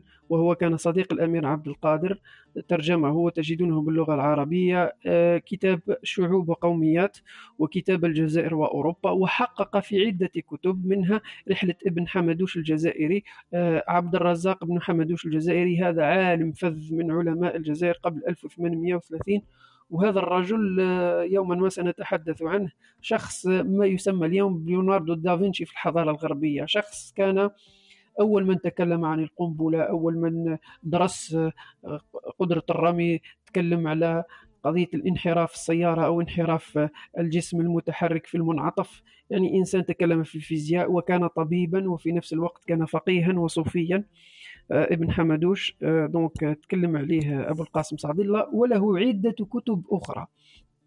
تم تكريمه سأختم باش ما نطولش. تم تكريمه في نهاية حياته من طرف مركز المناهج. ل آه، هو كاين واحد محا... مش محاضرة هو مؤتمر وطني يندار كل سنة ديروا مركز المناهج اسمه نعم للجزائر علماء وها تم تكريمه كأول عالم في أول طبعة سنة 2007 آه وبعدها بسنة بخمس سنوات على ما أعتقد توفي هذا الرجل. آه ماذا أقول أيضا؟ آه أعطوا له وظيفة داخل المؤسسات الجزائرية زعما زعما زعما فتحوا له منصب هكذا ولا مسؤولية داخل وزارة المجاهدين لكن في الحقيقة خاصة في العشرية السوداء لكن في الحقيقة كانت محاولة تقزيم لمجهوداته ما عطاولوش لاكسي للأرشيف ما عطاولوش لاكسي للجامعة للكتب لأنه كان يؤثر في تلاميذه ومن أكبر تلاميذه محمد لمين بالغيث من ولاية بسة. محمد لمين بالغيث راهو الآن باحث في التاريخ ومؤرخ. هذا تلميذ أبو القاسم سعد الله. أعتقد أن هذا الرجل العظيم من علماء الجزائر. آه لازم نعرفوه ولازم نفتخر به. آه وهذا هو. بارك, بارك الله فيك خويا محمد آه، شرفتنا بالمداخلة تاعك هذه. أنا حسيت بروحي شغل قزم لأنه كما قلت عيب وعار أنه واحد جزائري خاصة أنا نحسب روحي من أبناء الصحراء ما نعرفش واحد زي هذا القامة. وأبو القاسم سعد الله اللي حكيتنا عليه ودرتنا مداخلة تاعك ما شاء الله عليك. أنا سعدت وفرحت وسررت آه، لعلي بالك أكفر عن نفسي أني استضفتك. فأهلا وسهلا بك في كل صباح. الإخوة اللي راهم يستمعوا donc اليوم يمكن أطول حصة تفاد كما نقولوا تجاوزنا الوقت لكن إن شاء الله يكون الوقت هذا عنده قيمة. المستمعين اللي حبيتوا الحصص هذه تاعنا نزيدوا لها الكبسولة الأدبية هذه مع أخونا محمد شريف. فكتبوا لي في, في ال DM donc private message ولا في الميساجات إذا عجبكم المداخلة. ونقدروا نخلوها ثابتة عندنا إن شاء الله في ال Espresso Talk الصباحي تاعنا في كل يوم. خويا محمد بارك الله فيك. أشكرك يعني إلى ما لا نهاية. ما نقدرش نشكرك بما فيه الكفاية. شرفتنا بالحضور تاعك وبالمداخلة تاعك. أنا شفت باللي أنك طبيب donc عندك ما شاء الله المهنة تاعك وعندك حتى الهواية هذه تاع إنك تقرأ للمفكرين الجزائريين وتعرف المفكرين الجزائريين فهذا ما شاء الله شرفنا بالمداخلة تاعك وتتقاسم معنا ما تعرفه وما كما نقولوا ألممت به في هذا المجال. إذا إذا راك موافق آه، ف بعث لي بعد برك في في البرايفت ولا إذا إذا تكون معنا يشرفنا ذلك الباب مفتوح لك في أي وقت. آه، خونا محمد نفوتوا يمكن بعجالة لخوتنا أمال وخونا مصطفى التحقوا بنا. فحبيت نختم الغرفة لكن حبيت برك نسمع الآراء تاعهم في في محور الدردشة تاعنا اليومية اليوم على باب الهدف ولا محور الهدف. فخونا مصطفى نشوف فيها في مكالمة لكن نبدأ بخوتنا أمال يمكن إذا تسنى الوقت. تفضلي أمل. صباح الخير يسعد صباح. أهلا وسهلا. أهلا وسهلا بك. حبيت برك نشكركم الأخ طارق على كل مواضيع ما شاء الله. تقريبا نحاول نحضر يوميا. آه، نستفد من المشاركات واستفدت بالفعل يعني وفخورة كل يوم نصير نصير يعني فخورة جدا وأكثر بالعقول الجزائرية النيرة هذه. بارك الله فيكم. بالنسبة للموضوع الهدف فقط إضافة بسيطة على كل وش قلته أنا صراحة بالنسبة لي نشوف أنه موضوع الهدف لو ربط بموضوع الشغف سيكون يعني شيء عظيم جدا لماذا؟ م. لأنه مرات إحنا نحط أهداف ولكن هذه الأهداف ممكن تسبب لنا ضغوط لأن أصلا آه، نفسيتنا أو طاقتنا الاستيعابية أو إمكانياتنا ممكن ما توصلش لهذا الهدف أو أصلا هذا الهدف ما يتناسبش مع مع الإمكانيات أو يعني الظروف المحيطة بنا فأقول كل ما كان الهدف آه، مرتبط بالشغف حيكون الإنجاز عظيم وعظيم جدا. لأنه لو نلاحظوا المنجزين في هذا العالم كله آه، كل واحد يعني أبدع في شيء معين إلا وكان هذا الشيء آه، يعني بنسبة كبيرة مرتبط بالشغف. لأنه لماذا؟ لأنه الشغف الشغف يخليك عندك الدافعية وعندك القابلية وعندك يعني حتى ال- الإرادة وحتى في يعني في أوج العمل نتاعك أو في أوج العطاء نتاعك تكون تتمتع بهذا الشيء. فحيكون الإنجاز شيء عظيم جدا. وكمان بالنسبة بحكم أنا يعني تعاملت مع الأطفال ودرست وكذا فنحب أيضا يعني ننوه ال- الآباء آه، إنه يا ريت آه، لو يتناقشوا هذه الأمور مع أولادهم في الصغر يعني لما يكونوا في سن معين سن استيعاب يعني لتقبل هذه الأشياء التكلم عن الهدف شيء جميل. لأنه الولد آه، أو البنت لما يكون في سن آه، سن هذا الطفولة إذا نشأ عن آم، التكلم عن مواضيع عظيمة مثل هذه ح- حتطبع في شخصيته شيء من العظمة. وكمان يجي في يوم من الأيام يتفكر يقول أنا والله تناقشت مع أبي ولا أمي في هذا الموضوع موضوع الهدف. وبالفعل أنا جا الوقت اللي بديت نستوعب وش معناتها يكون عندي هدف وش الأشياء ممكن نخدم عليها نطور فيها نفسي خاصة إذا كن- كما قلت كانت مرتبطة بالشغف. وكمان من الأشياء الجميلة اللي ننوه لها لو الأطفال يعني الآباء لما يتكلموا مع أطفالهم أنهم يقولوا لهم آم، مهما كان هدفك أو شغفك عظيم لا تنسى أبدا أنه من أعظم أهدافك أن تبقى سعيدا في هذه الحياة. يعني حتى السعادة السعادة لأنه مهما أنجزت مهما وصلت ولو لم تكن سعيدا فأنت لم لم تحقق يعني أهم وأعظم غاية اللي تخليك تخلي نفسيتك دائما مرتاحة وتخليك مقبل على الحياة آه، ألا وهي السعادة. هذا فقط اللي حبيت نقوله. بارك الله فيكم بارك الله فيك يعطيك الصحة أختنا أمال مداخلة قيمة يعطيك الصحة. النقطة اللي تطرقت لها هي الشغف المحفز. آه، كنا طرقنا لها في الصباح لكن عندك الحق لأنه من أهداف الهدف ولا من النقاط التي تستوجب أنه الهدف يسهل تحقيقه. إحنا حطينا واحد الربع نقاط حكينا عليها في الصباح قلنا حكاية الوقت الجهد. المحفز اللي هو تقدري تقولي عليه الشغف والحواجز. دونك إلا كنا واقعيين وحطينا هذه الخطة هذه رسمناها بإحباك و... وبطريقة تكون كما قالنا خونا بن حرز قبيل بطريقة تكون سمارت عقلانية نراعيو فيها كل الظروف الإمكانيات والمحفزات والأمور هذه. فالشغف أكيد هو ال هو ال الوقود تاع هذا ال- إنجاز هذا الهدف. وأكيد ال- الغاية الأسمى من موضوع الأهداف هي تحقيق الرفاهية والسعادة كما قلنا. بارك الله فيك أختي أمل بدون إطالة نفوت خونا مصطفى أهلا وسهلا بك. السلام عليكم ورحمة الله وبركاته. وعليكم الله السلام. بخير كيف حالكم طيبين إن شاء الله خوتي؟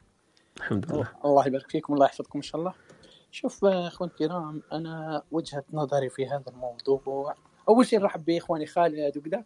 أنا قريت مكتوب إكسبريسو. قلت والله واحد يدخل يشرب قهوة هنا ويروح يسمع محاضرة وسهلا بك. تحبها بالسكر ولا بلا سكر؟ والله يا رجل أنا ما الله غالب درت لنا إكسبريسو ما لقيناها لا بالسكر ولا بلا سكر لا لا إحنا إحنا عندنا الاسبريسو الحقيقي من غير سكر. سمعوا في هذا أكثر من إكسبريسو أخونا محمد. أهلا وسهلا. أختي أمال الله يحفظكم. شوف أخوتي والله أعلم. آه الإنسان دائما آه عامة في خصوص الموضوع تاع الأهداف هذه أنا وضع ثلاثة أهداف رئيسية عندي. ثلاثة اهداف الهدف؟ الرئيسي الأول واحد يكون موضوع تاع دينه صلاة وصيام والأمور هذه أمور أساسية. واحد ما يتنازل عليها نتكلم على نفسي أنا. ما نتنازل عليها من الغير خرجت من الجزائر نصلي نبقى حياتي نصلي. خرجت من الجزائر نصوم نبقى حياتي نصوم. الأمور هذه اللي كل مسلم تكون فيها. هذا الشيء الأول. الشيء الثاني موضوع العائلة. موضوع العائلة. النقطة الثالثة العمل. ترتيبهم يكون بهذا الأمر. صلاة صيام وكذا. موضوع ثاني عائلتك الموضوع الثالث هو قضية العمل. الآن قضية الأهداف هذه عامة اخوان الكرام عندك أهداف رئيسية؟ يستطيع الإنسان أهداف رئيسية ما يتنازل عليها ابدا. عندك أهداف معينة؟ اني هدفي أول شيء تربية عائلتي تربية أبنائي تربية كذا كذا كذا. تربية أبنائي أخلاقهم آه، دراستهم كذا هذه ما يتنازل عليها الإنسان. عندك أمور عندك أهداف أخرى متغيرة. اليوم مثل ما كان يتكلم قبل خونا سفيان جبل ربي سفيان كان يتكلم. أنا عندي عمل مثلا إذا كان العمل تاعي هذا راح يعمل لي مشاكل معاه في البيت ومبتعد على اولادي مبتعد على زوجتي نتأخر عليهم شهرين ثلاث شهور ما نجيش نشوفهم مرة في العام. أنا رجل هذه خدمه ما كاش منها كاع واضح. لأني ماذا؟ مهما كان الدخل تاعها حتى عندي واحد من أصدقائي ما شاء الله عنده عمل راتبه عالي جدا. فقلت له إيش تعمل به؟ قال لي والله هالدراهم وكذا نبني بيت لاولادي قلت له إيش تبني بيت لاولادك؟ أنت بقولك أولاد أنت ضيعتهم كاع أصلا. فهمني. فالشاهد من الأمر أهداف. عندنا الأهداف هذه. الأهداف اللي عند الاخوان عارفين عندك أهداف قصيرة المدى وعندك متوسط المدى وعندك أهداف طويلة المدى كل واحد تختلف الأهداف. عندي عندك لغايه ست شهور عندك لغايه شهر عندك لغايه ست شهور عندك لغايه خمس سنين عندك أكثر من خمس سنوات وكذا. ولكن عندنا أهداف أخرى. أهم شيء هي الأهداف هذه تختلف. عندك الأهداف المادية والأهداف المعنوية. الأهداف المعنوية آه، مثل التطوير واحد يتعلم واحد يطور ذاته يطور ذاته. إحنا للأسف الشديد إحنا كنا جزائريين وإحنا في إحنا كما نقولوا إحنا إحنا في إحنا والبراني خاطينا. إن شاء الله ما يكونوش برانيه معنا حتى ما يكون مصطفى هذا إنسان عنصري وكذا. آه، بما أننا جزائريين اخواني الكرام عندنا مشكلة. توجد واحد فينا مخلص دراسة معينة خويا طارق مخلص طبيب خويا محمد عفوا طبيب. توجد أخونا محمد الله يجزيه خير والله لو كنت قدامي اخويا محمد غير نبوسك على راسك. توجد أخ مختص في الطب في الطب شخص مختص في الطب مصلح تسقسيه في امور آه، ثقافية أمور تاريخية أمور كذا. والله ما يعرف راسه من رجليه. أنا على الدكتور اللي ذكره قبل قليل آه، أبو القاسم سعد الله. أول مرة تعرفت عليه عندما عين أحد الطلبه الجزائريين كان في الجزائر هذاك الصحفي وكذا عنده جنسية فرنسية عين كمستشار في الوزارة أو وزير شيء من القبيل هذا رفض ان يتخلى على جنسيته. على جنسيته الفرنسية أنه يكون وزير جزائري. ف فكان يذكر هذا قال لك شوف مرتبة الدكتور والدكتور أبو القاسم سعد الله وتخلى على الجنسية البريطانية الأمريكية وتخلى من أجل البلد. وهذا يرجع أنه إنسان عادي ما يريد يرفض يتخلى عليها فالشاهد من الأمر. فهناك تعرفت فأخونا محمد ما شاء الله رغم أنه طبيب جراح ولكن عنده في مجال الأمور هذه الثقافية والأشياء هذه الأمور نستفيد منها. فقلت الأمور تكون واحد عنده أهداف آه، معنوية خاصة بالتعليم تطوير الذات الدراسة. والامور المعنوية هذه استفيد منها ماديا. معناها أنا كي ندرس ما شاء الله نطور نفسي وكذا وكذا راح نشتغل نعمل كذا تكون عندي ماديا. كذلك تكون عنده أهداف مادية ويستفيد بها معنويا. المادية أنا اهداف هدفي مادي أن مصطفى بعد خمس سنين لازم يكون عندي هدف مادي أسس شركة كذا كذا كذا نعمل كذا ويكون عندي بعد لازم يكون عندي أقل شيء مليون أورو في حسابي. أقل شيء هذا هدف مادي عندي. بشرط الهدف المادي في هدف معنوي. الهدف المعنوي وش بالمليون يورو هذه لازم يكون عندي جزء منه مثل ما قال أخونا طارق قبل قليل نعاون به الناس. أنا ما نقدرش نروح نرقد على بابك انت راقد أنت راقد على مليون داير مليون يورو راح تحت حطهم تحت المخدة وجارك هناك راقد تحت البلاستيك. مغطي بالبلاستيك. فهذا يكون هدف معنوي وهدف مادي فيجمع بيناتهم دائما ويكون آه، محدد أهدافه الرئيسية. خاصة قبل قليل ذكرت أختي امل موضوع مهم جدا. نعطيكم مثال على على سبيل المثال نتكلم عن نفسي خوتي. آه، ويعلم الله نضرب أمثلة بنفسي. لماذا نضرب أمثلة بنفسي؟ معناه عن تجربة مش سمعت وقالت وقال لي ابن عمي وقال لي ابن خالي لا. أنا عندي أربع أولاد. الكبير 25 سنة مهندس في الآي تي. عنده عائلته وعنده كذا كذا يسير شركة من الشركات الإماراتية خاصة في في التطوير العقاري. عندي مطبعة. شكون قابضها؟ قابضها وليدي درك عنده 22 سنة 21 سنة والآخر 19 سنة. ال 22 سنة ال 21 سنة يقرأ في الجامعة و19 سنة دخل درك الجامعة. اعطيت لهم قال لي بابا نضيع. يا راجل قلت له تخسر 100 200 300 400 500 تخسر اليوم غدوة تربح تخسر اليوم غدوة تربح تتعلم. وصل وما سألوش وش حال خسرت لا كل يوم يومين نقعد معاه نقول شحال كان الدخل يقول لي بابا ربحنا كذا خسرنا كذا ربحنا كذا نمشيها. نسقسيه من باب أني نتبعه مش من باب أنه يقول لك كما قال لك دعوه فإنها مأمورة ماشي على البركة. لا. كي يكون هاك الولد إيش تخليه تحفزه تنمي فيه القدرة إنه ما يخافش. تنمي فيه القدرة إنه يقول والله خسرت بابا راح يخنقني بابا راح يغلق. لا لا. تخسر يا راجل خسر. قال لي بابا والله اليوم خسرنا. يا راجل خسرنا اليوم برك كل يوم نخسر جيت في اليوم برك. مشيها برك. فكي تكون بالطريقة هذه تخلي أولادك تنميهم. علاش؟ وليدك تربيه إلى 21 22 سنة تربيه ومن بعد واش؟ لازم تخليه هو يدبر راسه. مش يدبر راسه معناه على باليش به لا. يدبر راسه معناه خوتي يتولي يتحمل هو المسؤولية. بعد سنتين ثلاث سنين راح يكون أب. مثل ابني هذا محمد. كان في البداية من البداية هو يدرس ويخدم يدرس ويخدم مش يخدم علينا اني محتاج ماديا لا يخدم من باب أنه يتعلم. نقول له محمد ابني روح دير خلص الورقة الفلانية روح جيب الورقة الفلانية دير كذا. المهم هذه أهداف خاصة بالعائلة وأهداف خاصة بالعمل مثل ما قال أخونا بن حرز الله قبل قليل إخواني أنا مختص في ال IT. لكن لو تشوفوا الآخر تاعي ماشي شركة تطوير عقاري شركة سياحية مطبعة مدخل راسي في كل حاجة يا رجل. ولو كان باقي في ال IT في ال IT في ال IT. وراح نطلع الخمر بال IT أنا. خلاص يا رجل آه، ما دام عندك قوة ما دام عندك قدرة ما دام مستعد قبل قليل أخونا طارق. والله اخينا طارق تعديت علينا قلت نحن أقل من جماعة ال 50 ولكن أنا متعدي ال 50 الله المستعان أنا مش من جماعتكم. فايش رانا قراب رانا قراب ما نضحكوش على بعض. بارك الله فيك. واحد واحد يحاول قدر الإمكان بقدر الآخر يحاول يطور نفسه في مجالات معينة اللي يعرف نفسه إنه يقدر يعمل فيها شيء اللي ما يقدرش يسحب ويقعد يسمع وخلاص الله يجزيكم خير. لا يديرها هدف إن شاء الله. اللي ما يقدرش يدير هدف لا بارك الله فيك خويا مصطفى. عجبتني لأنه أنا وياك نشتركوا في أمور كثيرة ومنها حتى وين قلت أنت تقسيم الأهداف أنا قبل أعطيت لهم فسرت لهم فيها قلت لها مادي ومعنوي وروحي وصحي فعجبني أنك أنت ثاني دخلت في هذاك المجال أنه تقسيم الأهداف. وحتى الهدف السامي هذا نقدروا نتغاضوا على الأخطاء الصغيرة هذه اللي استفدتها منك درك. لما يكون هدف سامي نتغاضوا على الأخطاء الصغيرة اللي قلت عليها. و... و déjà أنت راك في ال IT وأنا نفهم في ال IT وعندي تخصص في ال hexachromie وفي ال quadrichromie donc كاين بزاف شوارع نقاط مشتركة.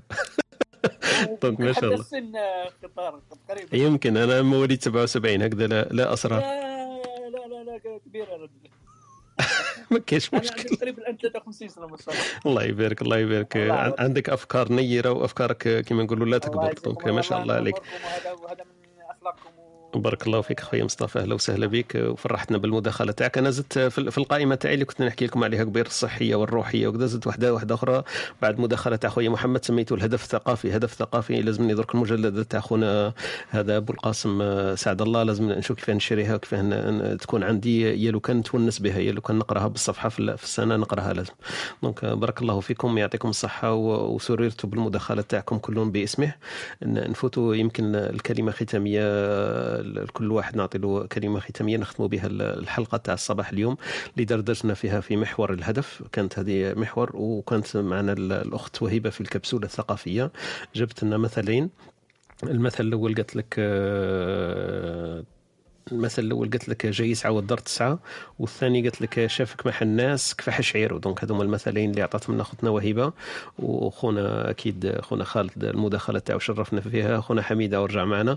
donc نفوتوا إلى كلمة ختامية لكل شخص ونرحبوا مرة ثانية بخونا محمد اللي التحق بنا في هذا اليوم اللي كبسولة أدبية راح نسموها ولا ما نعرف كيفاه نتفقوا إن شاء الله في, ال- في ال- الاسم تاعها وفي ال fréquence تاعها في التردد تاعها قد نديروها مرة في الأسبوع ولا في اليوم ولا كل شيء. donc ن- نفوت نبدأ ب- بخوتي ياسمين مادام هي معنا من البداية. أختي ياسمين كلمة ختامية. شكرا جزيلا. آه، Espresso Talk كان دايما عنده قيمة مضافة واليوم آه، صراحة استفدت بزاف. وعمل لي refresh لقضية الأهداف وتحديد الأولويات. شكرا جزيلا. بارك الله فيك يعطيك الصحة وسعيد نحن ثاني بالمداخلة تاعك. أختي ياسمين أهلا وسهلا بك. آه، أختنا حنان يمكن ما عطيتلهاش الكلمة. سامحيني حنان donc راح تكون ختامية وبدائية في في في آن واحد. تفضلي حنان. السلام عليكم صباح الخير. اولا شكرا ونشكر الدكتور محمد على هذيك ال- الكبسولة الثقافية. ماذا بك يديروها لنا؟ خاطر آه، اكتشفت مؤرخ جزائري عظيم. وبارك الله فيكم. بارك الله فيك. donc محمد آه، وحدنا زايد واحد. مانيش وحدي؟ ن- نفوتوا آه، لخونا محمد. دونك هو اللي بعد. اخونا محمد كلمة ختامية وأعطينا وجهة نظر كيف فات الحلقة وكيف وجدتها أنت اليوم. أولا شكرا جزيلا. تعلمت منكم الكثير. وبالنسبة للكبسولة الثقافية كما قلت أخونا طارق يا راجل خلينا نهضر. معليش معليش. راه أوضاع الحياة خليه ما, تشغلش نفسك به فعادي إحنا ثاني رانا هكذاك. قلت لك آه، الكبسولة سأحاول ما استطعت إلى ذلك سبيلا بحكم الانشغالات أحيانا العمل وغرفة العمليات. ما دامني نكون قاعد آه، ما كان حتى مشكل. أهلا وسهلا. يشرفنا ويسعدنا ذلك. بارك الله فيك يا محمد. خونا سفيان كلمة ختامية؟ مم، نعم كان لي يعني الشرف أنا كنت دائما يعني مستمع ولو أني نجي دي فوا تسمى متأخر. اليوم كانت لي الشرف اني يكون عندي كلمة. راح نختمها بنصيحة لنفسي يعني في الحقيقة إنه الإنسان يجعل يعني المحيطين به ناس إيجابيين وناس ناجحين كل واحد فيه ناجح في شيء يعني ناجح في أخلاقه ناجح في عمله ناجح في في علمه ناجح في تعامله مع الآخرين في مقارباته. نظن هذا يساعدنا كثير في تحقيق الهدف يعني اللي هو عنوان الروم. وكان لي شرف آه، بكل الاعضاء يعني لكم احترام آه، ولكم تقدير. بارك الله فيك خونا سفيان إحنا ثاني سررنا وسعدنا بالمداخلة تاعك. أهلا وسهلا بك في كل يوم. donc voilà نفوتوا ل- لخونا خوتنا أمال. خوتنا أمال كلمة ختامية؟ حبيت نقول لكم شكرا جزيلا لكم ودايما حطوا في بالنا أنه أصلا وجودنا في هذه الحياة أكيد حيكون الهدف وغايات الغاية وتكون غايات ساميه إن شاء الله. بارك الله فيكم. بارك الله فيك يعطيك الصحة وسعدنا إحنا ثاني بالمداخلة تاعك. آه، خونا حميد وخالد خلوهم هما التاليين. خونا مصطفى كلمة ختامية إن شاء الله. والله ختامي فقط. أنا أشكركم وأشكر على هذا الروم الطيب وطيبة الروم بطيبة أهله. والكلمات هذه طيبة اللي سمعناها لكم رغم أنه ما شربناش قهوة من الصحة ما شاء الله نسامحوا لكم اليومين. الله يحفظكم اخواني جزاكم الله بارك. الله فيك. إحنا قهوتنا معنوية إن شاء الله يكون فيها آه، كيما نقولوا الكافيين هذاك يكون يكون كافيين معنوي. يجزيكم خير نعم. بارك الله فيك خويا مصطفى. أنا ثاني سعدت وشرفت بالمداخلة تاعك. كنت استمعت لك إلى مداخلات سابقة لكن اليوم آه، كما نقولوا السعادة والفرح تاعي أكبر لأنه راك حضرت معنا فأهلا وسهلا بك. آه، قبل قبل ختامها مسك آه، نرحبوا باستاذ يوسف وطلع معنا. donc آه، أبيت إلا أن يشاركنا ال- البركة نتاعو إن شاء الله ونختموا ال- اللقاء تاعنا بالمداخلة تاع اخونا يوسف. آه، أستاذ يوسف تفضل إليك الكلمة. السلام عليكم. صباح الخير يا أحبابنا. أهلا وسهلا بك. صباح الخير للجميع. اليوم راه ثله من الأخيار أستاذ يوسف. الله، آه، الله. يس... آه، أهلا وسهلا بك. حرمتونا الله, الله. آه، إن شاء الله الله لا يحرمك الجنة إن شاء الله. تفضل. يا رب وإياكم. والله ما ما شاء الله يعني راني خمم لك في راني خمم لك في كبسولة دمشقية أستاذ يوسف. donc خونا محمد اليوم حمسنا في الكبسولة أدبية. donc خلاص رايحين نسموها taufen كما نقولوا بالالمانيه رايحين ن- ن baptiser وها نسموها كبسولة أدبية. والكبسوله تاعك كبسولة دمشقية جات في بالي عندها يومين كنت نحكي مع نفسي. فقلت أنا أستاذ يوسف ما شاء الله 11 سنة ولا 12 في في دمشق وكل شيء أكيد عنده ما يقول عن دمشق. ون- ونحيي فيه إن شاء الله ذكريات ولا الأيام السعيدة التي قضاها في دمشق.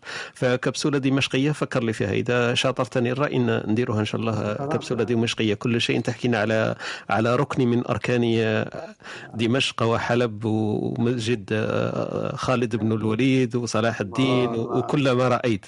شك- شكرا. آه، بارك الله فيك. أهلا وسهلا. غالي وطلب رخيص شكرا. بارك الله فيك. أهلا وسهلا. يعني يعني ما شاء الله يعني كما قلتم يعني تحببون بأطيب الكلام يعني ما شاء الله عليكم. يعني ما تركتم لنا شيئا يعني فقط إشعاع يعني النفوس كبارا تعبت في مرادها الأجسام.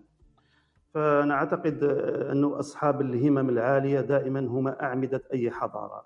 يعني حتى لو ترى أنه حتى في في القرآن آه، في سورة مريم يا يحيى خذ الكتاب بقوة.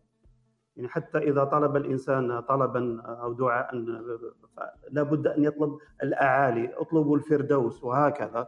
فيعني ويكفي المتنبي إذا عندما قال إذا غامرت في شرف مروم فلا تقنع بما دون النجوم. آه، هذا هو. وأشكركم على ما قدمتموه. آه، آه، خاصة فيما يخص الهدف لابد أن يراعي بما يسمى عجلة الحياة. الجانب العائلي الجانب الاجتماعي الجانب الذاتي الجانب الثقافي. هذه العجلة أنه لا بد أن الإنسان حتى لا تكون متوازنة. وشكرا جزيلا. وبارك الله فيكم آه، في كلماتكم. شكرا. بارك الله فيك أستاذ يوسف. شرفتنا بالحضور تاعك وبكلماتك الطيبة. نخلي لكم المسك. خالد وحميد اقتسموه كما شئتما. donc الله يسهل عليكم. شكون اللي يحب يكسب بيناتكم.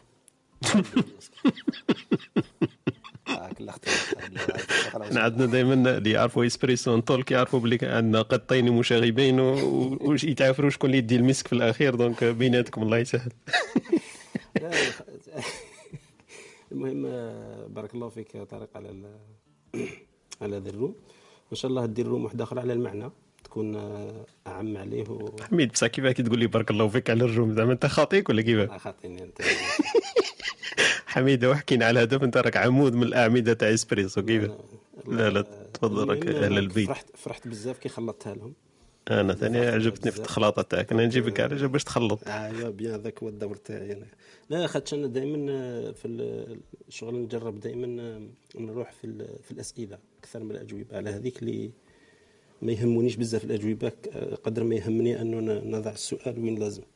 والحمد لله مع المشاركة تاع كاع الناس آه، كل واحد جاب جاب جاب رؤية جديدة وما شاء الله. بارك الله فيكم كاع. وفريمون فرحان على ال- الأخرين كاع. بارك الله فيكم. بصح كاين جدد اللي جاو معنا مثلا محمد و... ومصطفى. واللي موالف نسمعهم سمعت البارح محمد ومصطفى موالف نسمع له. بارك الله فيكم. وياسمين أختنا. وأخونا سفيان اللي جاء أيضا اليوم. مالف يسمع وجا اليوم. دخل عود تدخل دائما ما تخافش. راك مع اخواتك هنا وامال آه، السلام عليكم وإن شاء الله آه، تجوزوا نهار شباب.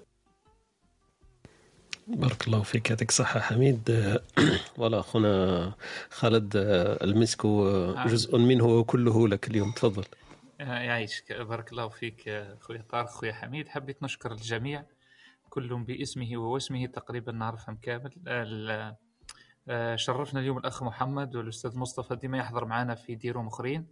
آه، ديما عندنا روم بالجمعة نهضروا شوية على بعض ال- الأخلاق والمبادئ اللي لازم نرسوها شوية في المجتمع. آه، أنا صراحة آه، فمي يفتش عن فمي كما قالها جرير قبل قال لهم حسبي كابن اللبون إذا لز في قرن لم يستطع وصلة البزل القناعيسي. هو يصفي روحه وهو قاعد يخاطب في الكبار ولا الأكابر لأنه ربطت بالعلم. يصفي روحه وكأنه هو ذلك الخروف اللي ولد جديد ورابطينه ما همش خلينه يلحق للبزل القناعيس اللي هي آه، الذراع تاع أمه باش كي باش كي يأخذ ذلك الخير ولا ذلك الحليب.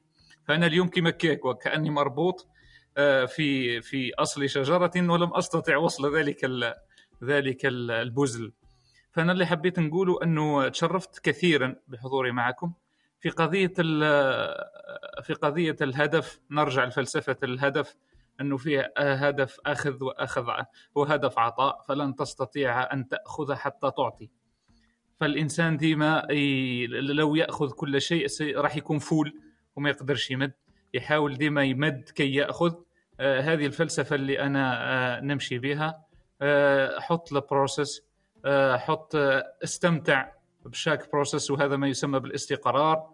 في طلب الهدف أنك تتحرك وتقف عند كل حركة كي تستمتع آه بذلك السكون. آه هذا اللي حبيت نضيفه مشكورين. شكرا أخي طارق أنك أعطيتنا الفرصة هذه وبارك الله فيكم وشكرا.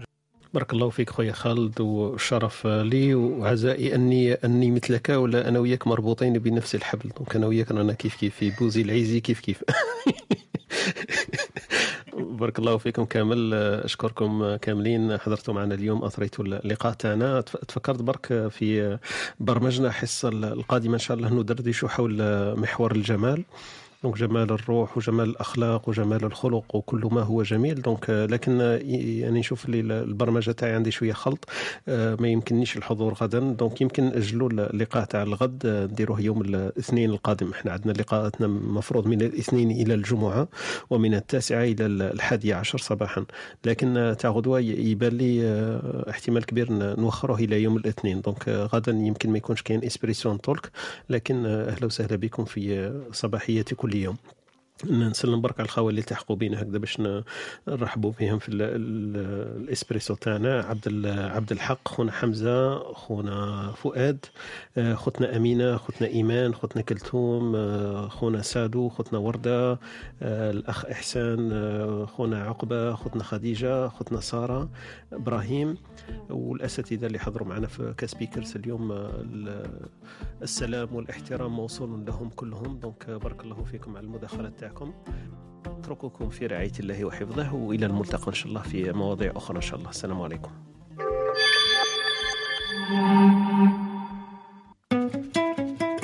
أنتم تستمعون إلى إسبريسو توك مع طارق. يأتيكم يوميا من الثامنة إلى الحادية عشر. تجدون فيها موسيقى حوارات أقوال عبر وعبارات. استمتاع واستفادة يوميا. استمتاع واستفادة يوميا.